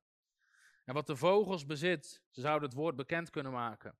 Nou, vogels in de lucht staat in de ook wel symbool voor demonie. Demonie. Ze kunnen het meenemen, ze kunnen ermee aan de haal gaan. De kracht van woorden, dingen zoals ik word hier ziek van. Ik kan ook niks. Dat soort dingen openen de deuren voor demonie. Getuigenis van Rut Prins, de vrouw van Dirk Prins, die op een gegeven moment last kreeg van de benen. En dat ze op een gegeven moment uh, openbaar kregen dat ze als jong meisje had ze eigenlijk de benen vervloekt. Dus ze vond haar benen niet mooi. Ze die stomme benen. En ze vervloekte de benen. En ze gaf dus gewoon een open deur aan de geestelijke wereld om daar te werken. En toen dat verbroken werd, werd ze genezen. Mijn achterbuurman, waar, waar, ik opgegroeid ben bij mijn ouders thuis. Mijn achterbuurman zei altijd, ik zal nooit mijn pensioen halen. Iedereen die hem kent, hij zei altijd, ik zal nooit mijn pensioen halen. Zijn vader was overleden toen, voor zijn 65, hij zei, ik zal nooit mijn pensioen halen. Tot zijn 64 was die man kerngezond. Op zijn 64 kreeg hij een hersentumor. Voor zijn 65 was hij overleden, had nooit zijn pensioen gehaald. Iedereen zegt, joh, hoe kan dat? Hè? Hoe kan het? Ja, ja, ja. Ja, toeval, hè? net als ze, geen toeval. Hè, niks met toeval te maken. De geestelijke wereld vervloekt zichzelf bijna elke dag, geeft open deur aan demonen om te gaan werken. En wij in onze platte 2D-wereld zeggen, hoe kan dat nou? Hoe kan dat nou? En als je het probeert uit- uit te leggen, lachen mensen je uit, hè? Je gelooft niet echt dat dat zo werkt? Dat geloof je toch niet? Dan zijn mensen dood aan gegaan. Nou, deze is heel interessant. De volgende zijn allemaal interessant. Maar... Bloedschuld. 14. Bloedschuld. Ik heb al eens gezegd over zonde. Dat was de eerste open deur uit mijn hoofd die we hebben behandeld. Daar heb ik ook gezegd, de ene zonde is erger dan de andere zonde. Ik weet dat in de kerk altijd wordt gezegd, het is allemaal gelijk. Maar dat was echt niet zo. Niet het gevolg, het oordeel of de straf die erop stond in het Oude Testament. En er was een categorie zonde, en dat noemde de, dat noemt de Bijbel bloedschuld. En het waren zonden waarop de doodstraf stond in het Oude Testament. En dat werd dan aangetoond met bloedschuld. En als je dat gedaan had, dan kreeg de dood kreeg eigenlijk een macht op je leven. Want tot en met dat jij de doodstraf gekregen had, bleef dat aan je kleven. Het mooie is in het Oude Testament dat er ook vrijsteden waren. Ken je dat? Dus er was een vrijstad en als je dacht dat het onterecht was of wat dan ook, dan kon je daar naartoe gaan en dan was je daar vrij van. Dan mochten ze niet aan je komen. Dat is een schitterend beeld van Christus. Christus is onze vrijstad. Als we naar hem toe gaan, wat we ook gedaan hebben, worden we vergeven en gereinigd en gerechtvaardigd. En heeft de dood geen macht meer. Maar die bloedschulden, dat waren ergere zonden en die openen een deur, omdat daar kwam het oordeel van God. Daar kreeg de macht van dood, kreeg daar inspraak. En dat opent de deur voor demonie. Laten we een aantal teksten lezen. Jezaja, dan zal het gebeuren wie in Sion overgebleven is en wie in Jeruzalem overgelaten is, heilig genoemd zal worden. En ieder die Jeruzalem ten leven opgeschreven is. Wanneer de Heere de vuilheid van de dochters van Sion, spreekt over het werk van Jezus, afgewassen zal hebben en de vele bloedschuld van Jeruzalem uit het midden weggespoeld zal hebben door de geest van oordeel en de geest van uitbranding. Spreekt over het werk van Jezus die de, die de bloedschuld wegwast. Spreuken 28 vers 17. Een door bloedschuld bezwaard mens zal naar de kuil vluchten. Zal naar de kuil vluchten. Weerhoud hem niet. David wist dat hij dit gedaan had. Hij zei, ik heb de Heere, ik heb gezondigd tegen de Heere.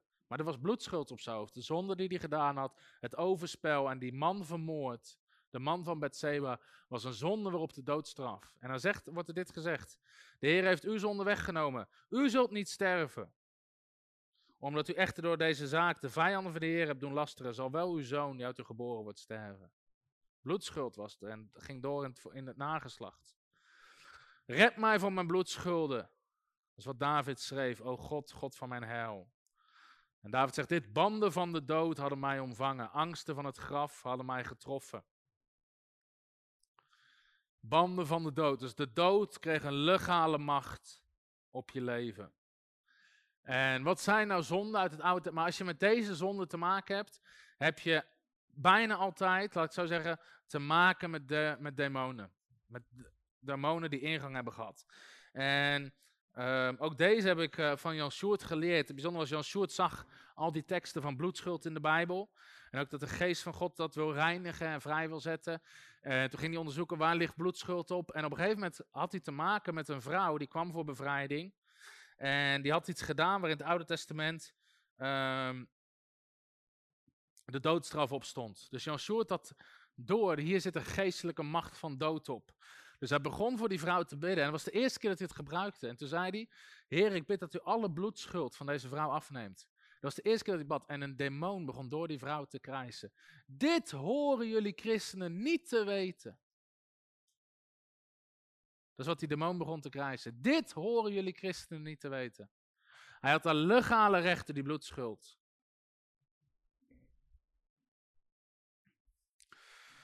Zonde in het Oude Testament, nou die hoef je niet allemaal over te schrijven, maar moord of doodslag. Vader en moeder slaan of vervloeken. Kidnapping. Eh, als, jou door, als door jouw onverantwoordelijkheid iemand anders sterft, door je dier of geen hek op je dak, eh, rijden onder invloed was natu- natuurlijk, maar dat is even een voorbeeld erbij. Seksuele gemeenschap met dieren, toverij, spiritisme of afgoderij. Ouders die hun kinderen aan boze geesten offeren. Overspel of echtbreuk, incest, homoseksuele relaties, verkrachting, de naam van God lasteren, valse profeet zijn, zich niet houden aan de rechtspraak, recht in eigen handen nemen of klagerij in extreme vorm. Op dat soort dingen kwam de bloedschuld te liggen.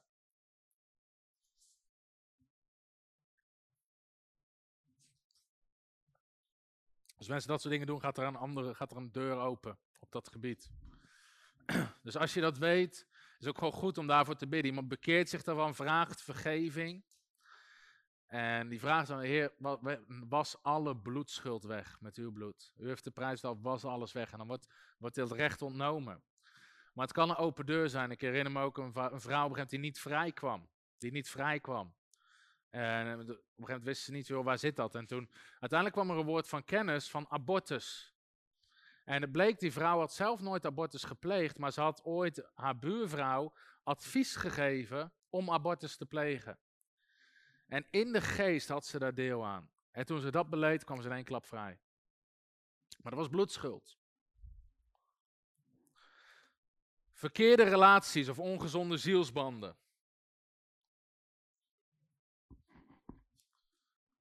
Ik hoop dat ik ze vanavond alle twintig ga redden.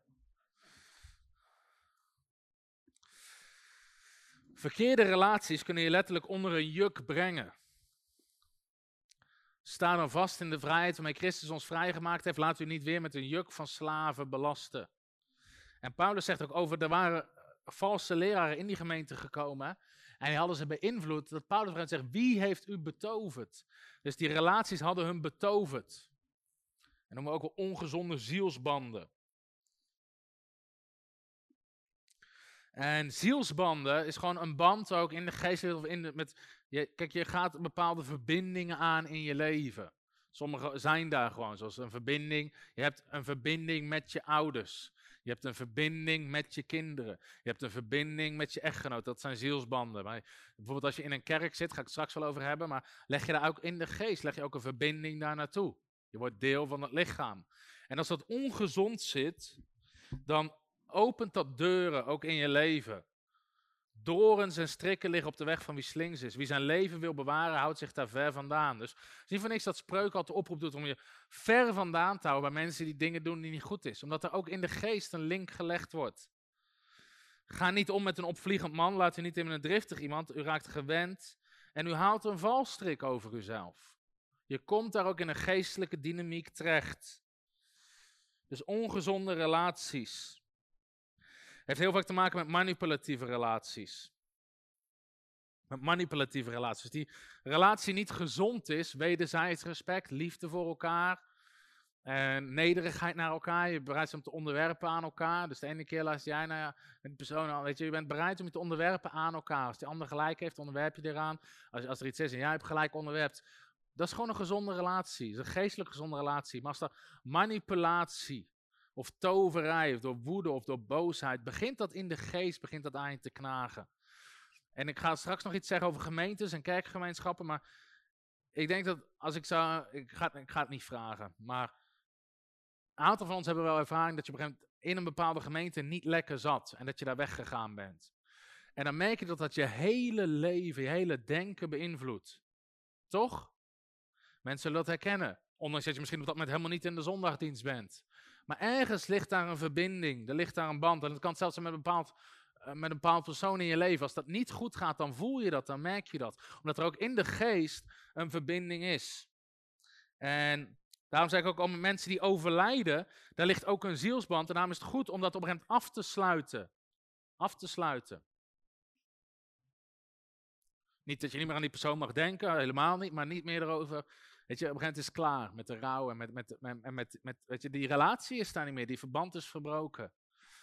Bijzonder getuigenis ook, een, uh, sommigen van jullie zullen haar wel kennen, Rita, zal, Rita onze knuffeloma, die altijd bij uh, Revive uh, vooraan zit te bidden. In ieder op een gegeven moment, haar man was maar in de tachtig, overleed. En op een gegeven moment, een week daarna, sprak de Heilige Geest tot haar.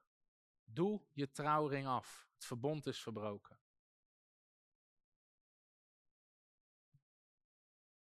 Je bent getrouwd tot de dood je scheidt. Tot je dood je scheidt. En niet dat zij daar ongezond in, maar de Heilige Geest sprak tot haar en ze deed het. En ze deed het. Het verbond is verbroken. En dat betekent nogmaals niet dat je niet over mag rouwen, al die dingen meer. Maar op een gegeven moment was ook iemand die kwam niet vrij. Eh, ook, ook met demonie. En op een gegeven moment kwam erachter, die had drie, uh, drie kindjes verloren. En maar eigenlijk nooit afscheid. Die, die leefde nog alsof die kinderen er nog waren. En, met en, en die had nooit die zielsbanden verbroken. Nooit gezond verwerkt. En die kwam niet vrij van de, die, die banden hadden daar invloed. Totdat ze dat echt afsloot en verwerkte. En toen kon ze verder. Laten we even vijf minuten pauze houden. We gaan er doorheen komen. Ik wil eigenlijk toch wel die twintig redenen. En het liefst nog iets zeggen over manifestaties. Lord of mercy. Sta me bij, Heer. Ja. Oké, we zitten weer. Iedereen de startblokken.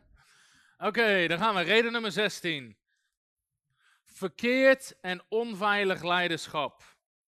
Verkeerd en onveilig leiderschap. Nogmaals, ook dit is niet een directe deur van, oh, ik zit in een gemeente met verkeerd leiderschap, dus ik heb een demon. Dat is niet wat ik zeg. Maar wat onveilig leiderschap doet, het haalt de geestelijke muren neer. Het, de muren van bescherming vallen weg. En daar spreekt de Bijbel heel vaak over als het gaat over leiders. Ezekiel, moet je opletten wat Ezekiel zegt. Het woord van de Heere kwam tot mij. Mensenkind, profeteer tegen de herders van Israël, dus de leiders. Profeteer en zeg tegen hen, tegen die herders, zo zegt de Heere, wee de herders van Israël die zichzelf wijden. Moeten de herders niet de schapen weiden? U eet het beste op, u kleedt u met de wol, u slacht het vet gemeste, maar de schapen wijdt u niet. Het zwakke versterkt u niet, het zieke geneest u niet, het gebrokene verbindt u niet, het afgedwaalde brengt u niet terug en het verlorene zoekt u niet. Maar u heerst met geweld en met harde hand over hen. Ze zijn overal verspreid als zonder herder en ze zijn alle dieren van het veld tot voedsel geworden. Nogmaals, staat vaak voor geestelijk in de Bijbel. Ze zijn de dieren van het veld tot voedsel geworden. Ze zijn verspreid. Zo waar ik lees, spreekt de Heer, Heer, voor waarom dat mijn schapen tot een prooi zijn geworden. Mijn schapen voor alle dieren van het veld tot voedsel zijn geworden, omdat er geen herder is. Nou ja, je ziet hier de leiders, hebben geen goed, geen veilig leiderschap. En de mensen worden een prooi voor de wilde dieren, voor de dieren, wat een geestelijke beeldspraak is. Ze zijn een prooi geworden. Ik kan nog een paar teksten. Jeremia 1, vers 17. U, om God uw middel, sta op en spreek tot hen alles wat ik u gebieden zal. Wees niet ontsteld vanwege hen, anders zal ik u ontsteld doen zijn voor hen. Want zie, ik stel u heden aan. Dus God stelt hier een leider aan, een profeet. Zegt ik stel u aan tot een versterkte stad. Tot een ijzeren pilaar, tot een muur, een bronzen muur tegen heel het land. Tegen de koningen van Juda, tegen zijn vorsten, tegen zijn priesters. Dus God roept die profeet, maar God zegt ook, ik maak je een muur, ik maak je bescherming. Ik heb u aangesteld tot keurmeester onder mijn volk, tot een vesting. Dus zie allemaal termen van bescherming. God zegt dit tegen de leiders: U bent niet in de bressen geklommen voor het huis van Israël, wierp u geen muur op. Om op de dag van de Heeren staande te blijven. En Jezus ook verwijt leiders, de fariseeërs. En dan zegt hij, jullie zijn blinden, het zijn blinde geleiders van blinden. En als een blinde een blinde geleidt, gaan ze allebei vallen. Er zal daar een val komen. Nou, allemaal teksten over leiderschap. Ik heb er zo meteen, oh nee, nee, deze heb ik niet, maar dan mag je wel opschrijven. Het is een hele goede, Jezaja 24, vers 1. Daar staat, zie de Heere maakt het land leeg en verwoest het. Het oppervlakte van er ondersteboven. Hij verspreidt zijn inwoners en dan vergaat het het volk net zoals de priesters. Dus eerst waren die priesters gevallen en daarna vergaat het het volk net zo. Een andere tekst zegt zoals de leiders zijn, zo is het volk. Heel interessant. In ieder geval, als geestelijk leiderschap valt of faalt, zie je vaak dat dat de muren in de gemeente naar beneden haalt en dat dan allerlei dingen beginnen te spelen. Het, het, het, is bizar. Toen Jan Sjoerd heeft op een gegeven moment, toen hij naar Nederland kwam, heeft hij de gemeente de Kandelaar overgenomen. Sommige mensen zullen het verhaal kennen of niet, maar dat was in ieder geval, zat in leiderschap niet goed. Ook niet met onreinheid en overspel. En toen dat in één keer naar buiten kwam, en, en, en Jan Sjoerd sprong erop in, die heeft die gemeente uiteindelijk door die crisis heen geleid, ontzettend heftig proces. Maar bleek dat in allerlei huwelijken in die gemeente overspel en onreinheid was. Maar wat was de, en het had dus te maken met die leider was gevallen, die geestelijke muur van bescherming waren erin weg en het een na het ander gebeurde. Het opent de deuren voor, voor demonen. Een vriend van mij nog eens vertelde dat hij moest op een gegeven moment eh, ergens spreken in een, in traditionele kerk. En en terwijl hij er op de kansel stond, werd hij allemaal aangevallen, onreine gedachten en allerlei dingen. Dat hij dacht, joh, wat is dit? Hij zegt, leek was ik in een wespennest van demonen was terechtgekomen. En totdat hij achteraf hoorde dat uh, die predikanten daar, weet je, dat was uh, in ieder geval in seksuele onreinheid, wat toe werd gestaan door de kerk, geaccepteerd werd door de kerk. En het was gewoon een, een wespennest van demonen geworden in die gemeente, waar heel veel mensen ook tot prooi van, van worden. Dus heel vaak in de Je, in de geest klopt er iets niet. En heel vaak proef je dat. En soms, weet je wel, uh, soms kom je wel eens in een gemeente. Uh, en uh, ik was een tijdje terug met, met Arjan en Femke in een gemeente waar ik moest spreken. En je komt binnen en ergens proef je, er klopt iets niet. Er klopt gewoon iets niet. En aan heel de dienst zie je vreemde dingen gebeuren. En soms kan je niet meteen je vinger erop leggen. Maar je weet, ergens in dat leiderschap zit het niet goed. En er gebeuren allemaal vreemde, een vreemde geestelijke dynamiek. En daarom is het zo belangrijk om goed en veilig leiderschap te hebben. Ik heb ook wel eens op een gegeven moment dat ik in een gemeente kwam en ik heb daar wel eens over verteld, maar altijd was het, het altijd moeilijk, zwaar, lastig. Uh, hou vol, broer, storm, strijd, ellende, tranendal. Uh, zelfs de getuigenissen werd je depressief van. Weet je wel, zo ja, ik ben al 13 jaar depressief, maar gisteren was ik het even niet. Oh, halleluja. Zo, en op een gegeven moment, ik stond daar, ik moest daar een hele serie prediken. Ik ging nou, dat jaar is heel vaak heen. Ik moest een hele serie doen. En ook altijd als ik sprak over overwinning of over geloof of over genezing, werd dat onderuit gemaaid. Op een gegeven moment zei ik, zei, heer, wat is dit? En God liet me in de geestelijke wereld zien. En ik zag een, een zwart-rode draak over die gemeente hangen, geestelijk wezen. En God zei, het is een geest van nederlaag. Die ze hebben toegelaten. En eh, wat gewoon in die gemeente heerste, wat ook klem zat al, waar leiderschap de deuren voor open had gezet. Hetzelfde met manipulatie, dat soort dingen. Het haalt de muren neer. En wat zijn de eerste, even terug, even kijken, voor mij staat dat in deze tekst. Uh, het zwakke versterkt er niet. Wat zijn de eerste mensen die eraan vallen? Het zijn de zwakkere mensen in de gemeente. Dus ook als er los soms nog van wat, of er echt iets veel te luid maar vaak zie je als er strijd losbarst op de gemeente, wat zijn de eerste die vallen, zijn de zwakkeren. Die worden het makkelijkst aangevallen, worden het makkelijkst prooi. Waar zegt de duivel zoekt, hij gaat rond als een leeuw, hij zoekt wie die mag verslinden. Nou, leeuwen die duiken niet zomaar midden op een kudde van die zebra's of genoes. Ze zitten te wachten en ze pakken het zwakke, ze pakken het jonge, ze pakken wat niet sterk is, ze pakken wat gewond is. Dat pakken ze en trekken ze uit de kudde. Het is ook vaak heel vaak iets om alert op te zijn. Als mensen zich terug beginnen te trekken uit de kudde, is er vaak iets aan de hand. Zeg maar, ja, maar ik leg maar even mijn taken neer. Nou, meestal zie je ze nooit meer terug. Dus heel vaak zit speelt daar iets anders. Maar goed, dat zijn weer hele andere onderwerpen. Deze verkeerd denken of het geloven van leugens. Nou, lijkt me logisch, maar door je denken zet je de deur open.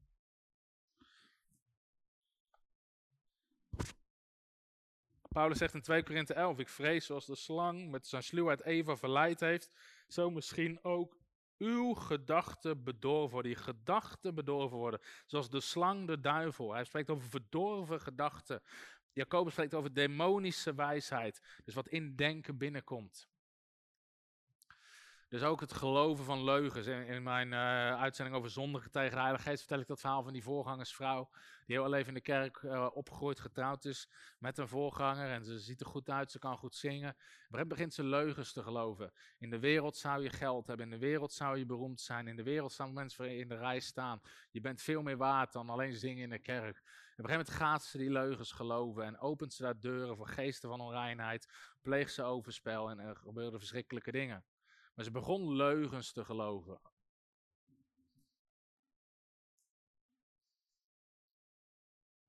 Deze is interessant. Een pasbekeerde die in leiderschap komt en verwaand en hoogmoedig wordt.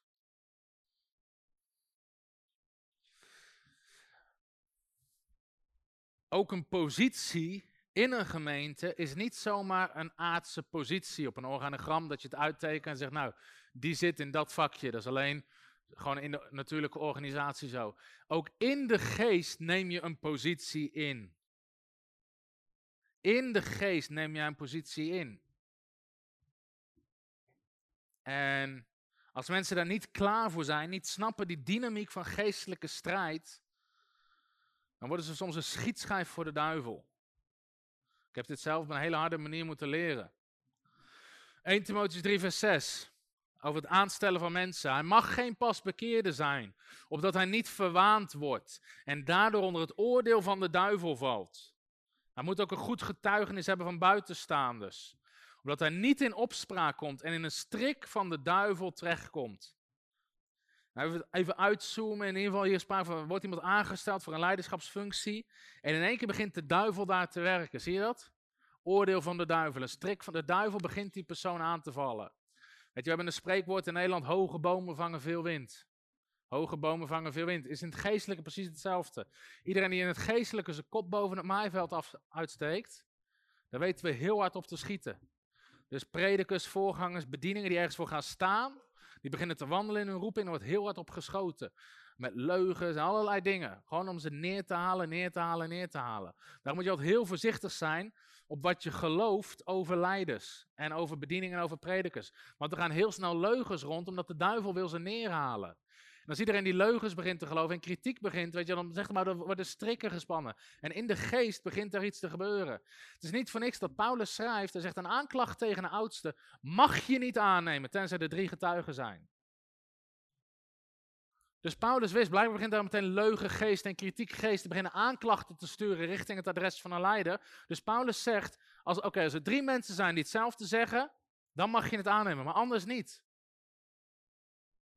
En dus ook geestelijk, ik, ik, ik, zie dit sowieso soms, ik heb vaak gezien dat mensen op bepaalde geestelijke posities worden gezet, zoals aanbiddingsleider of wat dan ook, die daar niet klaar voor zijn. En zodra de geestelijke strijd komt, vallen ze, gaan ze neer. Zeg, maar hoe kan dat nou? Weet je, maar we hebben niet door, het is niet alleen een natuurlijke positie van, oh, ik zie dat zo vaak gewoon, jij kan mooi zingen, wil je in het aanbiddingsteam? De aanbidders staan voorop in de geestelijke strijd. Lofprijs is voorop in de geestelijke strijd. Dat ik als ware een soldaat die nog nooit heb leren schieten, die zegt, goh, jij, jij ziet er mooi uit, loop jij maar voorop. Als eerste op de vijand af. Bam, wordt neergeschoten. Nou, hoe kan dat nou? Hij zag er zo mooi uit. Weet je, soms letterlijk wat er gebeurt. Ik heb dit, ook op, ik heb dit echt op een harde manier gewoon in de praktijk moeten leren. Toen we de jeugdwerk gingen pionieren, er zat geen enkele jeugd in die gemeente, helemaal niemand. Dus we deden een eerste evangelisatiecampagne. Jan Sjoerd kwam spreken en er kwamen een stuk of drie, vier jongeren tot geloof, die bleven hangen. Dus, en ik was de jeugdleider, ik had alleen nog geen jeugd. Dus op een gegeven moment had ik vier, dus ik zeg, nou, jullie zijn allemaal jeugdteam. Ja, je moet toch beginnen met een team. Dus alle vier die tot geloof waren gekomen, zei hup in het team. Want we gaan verder bouwen. Ik had ook niks anders. Ik had ook niemand anders. In ieder geval door de maanden heen. De meest bizarre dingen begonnen te spelen in dat team. Weet je? En, en die mensen waren echt tot geloof komen, oprecht met God, wilden meebouwen, wilden meewerken. Bizarre aanvallen, wat ik niet door had. Op een gegeven moment, een van, een van die meisjes uit mijn team, een jonge vrouw van in de twintig, op een gegeven moment op de, was heel de leven op de raadsmomenten, kreeg ze een blackout, viel ze flauw, bam, stortte zo in elkaar. Dat gebeurde meerdere keren in de week. En had ze nooit gehad. En zo, hoe kan dat nou? En ik zei, ik zeg, heer, hoe kan dat nou? En God liet me een visioen zien dat mijn team gewoon een schietschijf was. En God zei, Tom, je, je team is een schietschijf voor de duivel. Ik zeg, heer, hoe kan dat nou? En ik, ja, hoe kan dat nou? Ze waren één dag tot bekeren gekomen en de volgende dag zaten ze in bediening.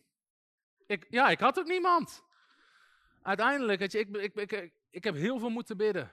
Voor bescherming, voor genade. Ik had ook niemand anders, ik kon het niet anders doen, maar ik heb heel veel moeten bidden en in de geest die strijd moeten voeren om mijn team veilig te houden en daardoorheen te loodsen. En soms als we die geestelijke dynamieken niet doorhebben, dan, dan kan het gruwelijk misgaan. Paulus, ook grote leider, zegt: Ik word geslagen door een engel van Satan. Weet je, er waren er aanvallen vanuit de Satan op zijn leven. Dus dat is echt goed iets om in de gaten te houden. Het gaat er niet om alleen heeft iemand de natuurlijke bekwaamheid, maar heeft iemand die geestelijke dynamiek en heeft iemand die geestelijke wapenuitrusting en heeft iemand die geestelijke volwassenheid om te doen wat je van hem vraagt. Het is natuurlijk ook zo als je kijkt naar natuurlijke, naar de commando's en dat soort legertroepen. Weet je, als je iemand hebt leren schieten, dan ben je denk ik op, nou Roel komt uit het leger, dan ben je misschien op 3%. De rest is ook gewoon mentale training. Iemand klaarmaken. Niet alleen van kan je schieten, kan je aan die trekker trekken in de juiste richting. Iemand moet mentaal klaar zijn. Iemand moet die strijd niet alleen aankunnen met zijn wapen. Maar iemand moet fysiek, mentaal, emotioneel, moet dat aankunnen. Dus zelfs in het natuurlijke besef, als iemand, als iemand een strijd instuurt, gaat het niet alleen om zijn fysieke kracht en of dat hij kan mikken door, door een geweer heen. Het gaat om, gaat, beginnen ook hele andere dingen te spelen daar. En in de geest is dat nog groter. Hoge bomen vangen veel wind. Nummer 19, onvergevingsgezindheid. Onvergevingsgezindheid.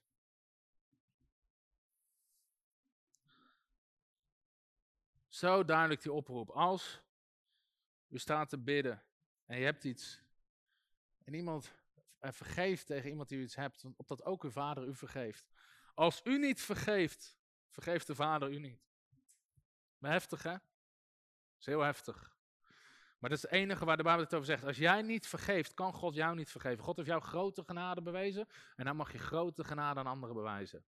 Maar als je dat niet doet, zit er een blokkering, ook van Gods bescherming over je leven. En opent het dit is zo'n grote geest van onvergevingsgezindheid. Die een deur opent voor bitterheid en haat en wrok en al die ongezonde emoties. Als mensen niet snel afrekenen met hun bitterheid. Dit gaat een gelijkenis over vergeving. En er is er iemand en die wil de ander niet vergeven. En de eindigt de gelijkenis zei. En zijn heer, boos als hij was, gaf hem aan de pijnigers over. De folteraars. Heel vaak, niet altijd, Heel vaak lichamelijke ziektes die voltrainen, bijvoorbeeld soms een MS of een reuma, dat soort spierziekten, hebben heel vaak hiermee te maken. Er zit heel vaak, of niet altijd, maar ergens een wortel van onvergevingsgezindheid en een geest, een geest die zich daaraan gekoppeld heeft.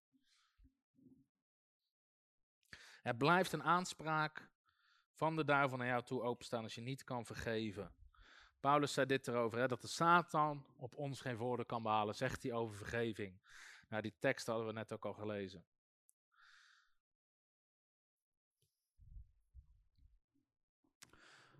Nummer 20. Klagerij en andere negativiteit in extreme vorm. Nogmaals, het is niet eenmalig. denk je, hey, jonge jongen, de friet is koud.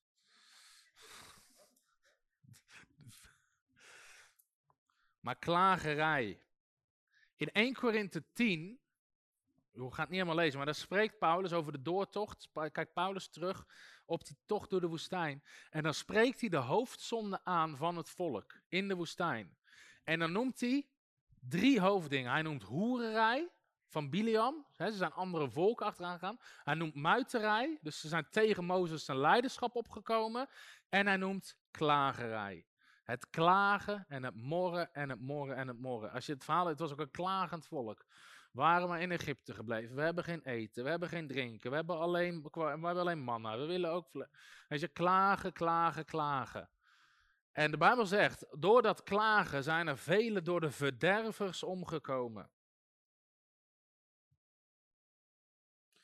Toen zond de Heere gifslangen onder het volk en die beten het volk. En er stierven er veel. Nou, slangen staat ook symbool voor demonen.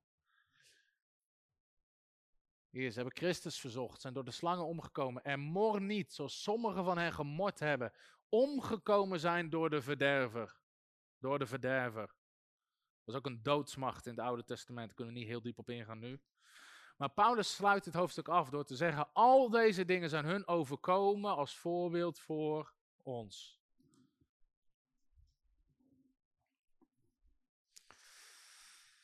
Nou, en hier kunnen sommige mensen wel wat van. Klagen, klagen, klagen. En zeker Nederlanders. Sta Sorry. dat is echt.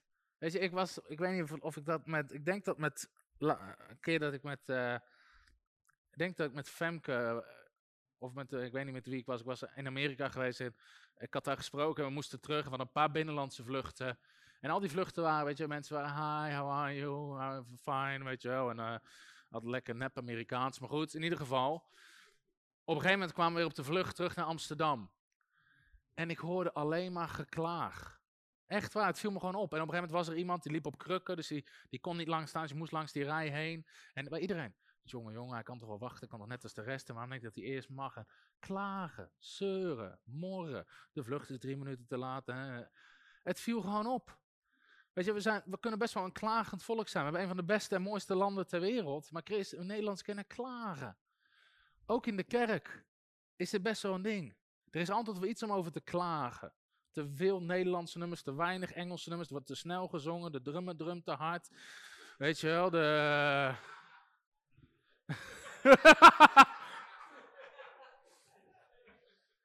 Echt, weet je wel, ja, ja, nou ja, de, de, de, de prediker droeg geen net colbertje, of zuster die heeft dit gedaan, of de thee, en in teams en dit en dat, en de kleur van dit, en het gordijn, en de beamer, en ja, dat was ook weer, ja, klagen. En het is echt een deur voor demonie, in plaats van dankbaarheid en vreugde. Mensen hebben een negatieve, kritische geest. En soms is het echt, is echt niet alleen mijn karakter, kan zelfs demonie zijn. Dit zijn, en nogmaals, ik zeg niet dat er geen andere, maar dit zijn twintig open deuren die ik zie in het woord van God. Ik denk wel dat de hoofdzakelijkste ertussen zitten. Ik heb ze weer twee rijtjes van tien, maar dit zijn die twintig open deuren. Ik zit te denken of dat ik ga beginnen met manifestaties. Of dat ik dat de volgende keer ga doen. Misschien dat ik die samen kan pakken. Zijn er vragen hierover? Net stelde al iemand mij de vraag van, joh, die zei van, net voor eh, de pauze, toen uh, van, ja, maar ik, ik voel dat dan ook gebeuren, maar hoe, hoe ga je daarmee om? Of hoe leer je dat? Nou, het is eigenlijk ook juist door dit soort situaties dat je het leert, dat je begint te herkennen. En hoe ga je ermee om? Is soms, als je in de zaal zit en je voelt zo'n gespannen atmosfeer, weet je, is het heel wijs om te gaan bidden in jezelf. Te bidden. In tongentaal ook, weet je, ook Nel, die komt hier altijd op, uh, die komt hier smiddags, komt ze al bidden, omdat ze weet met dit soort thema's wat voor dingen er kunnen gaan spelen. Ze is één middag niet geweest, heel, heel pand stond voor mijn water. Dus...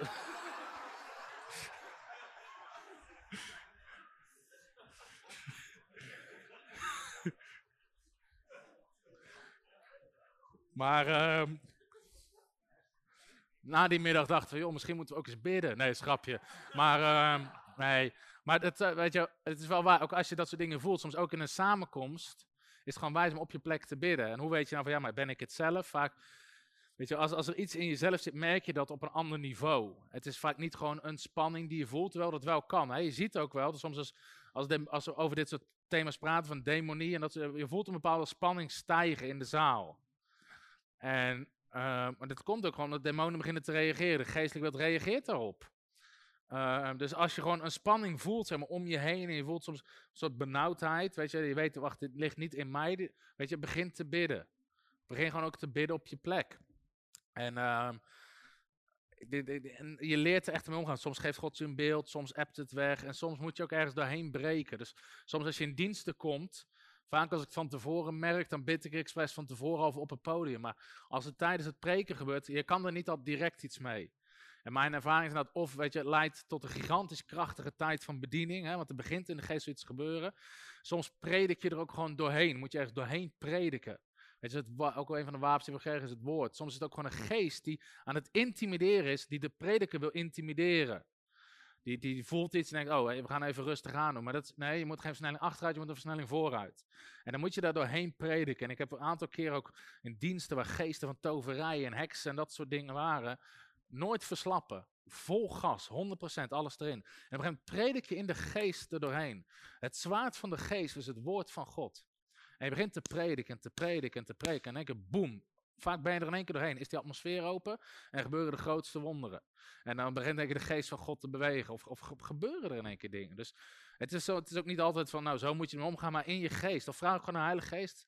Heilige Geest, wat moet ik doen? En begin te bidden. Begin in tongentaal soms zachtjes op je plek te bidden. En dan merk je ook gewoon dat in de geest daar een strijd wordt gestreden.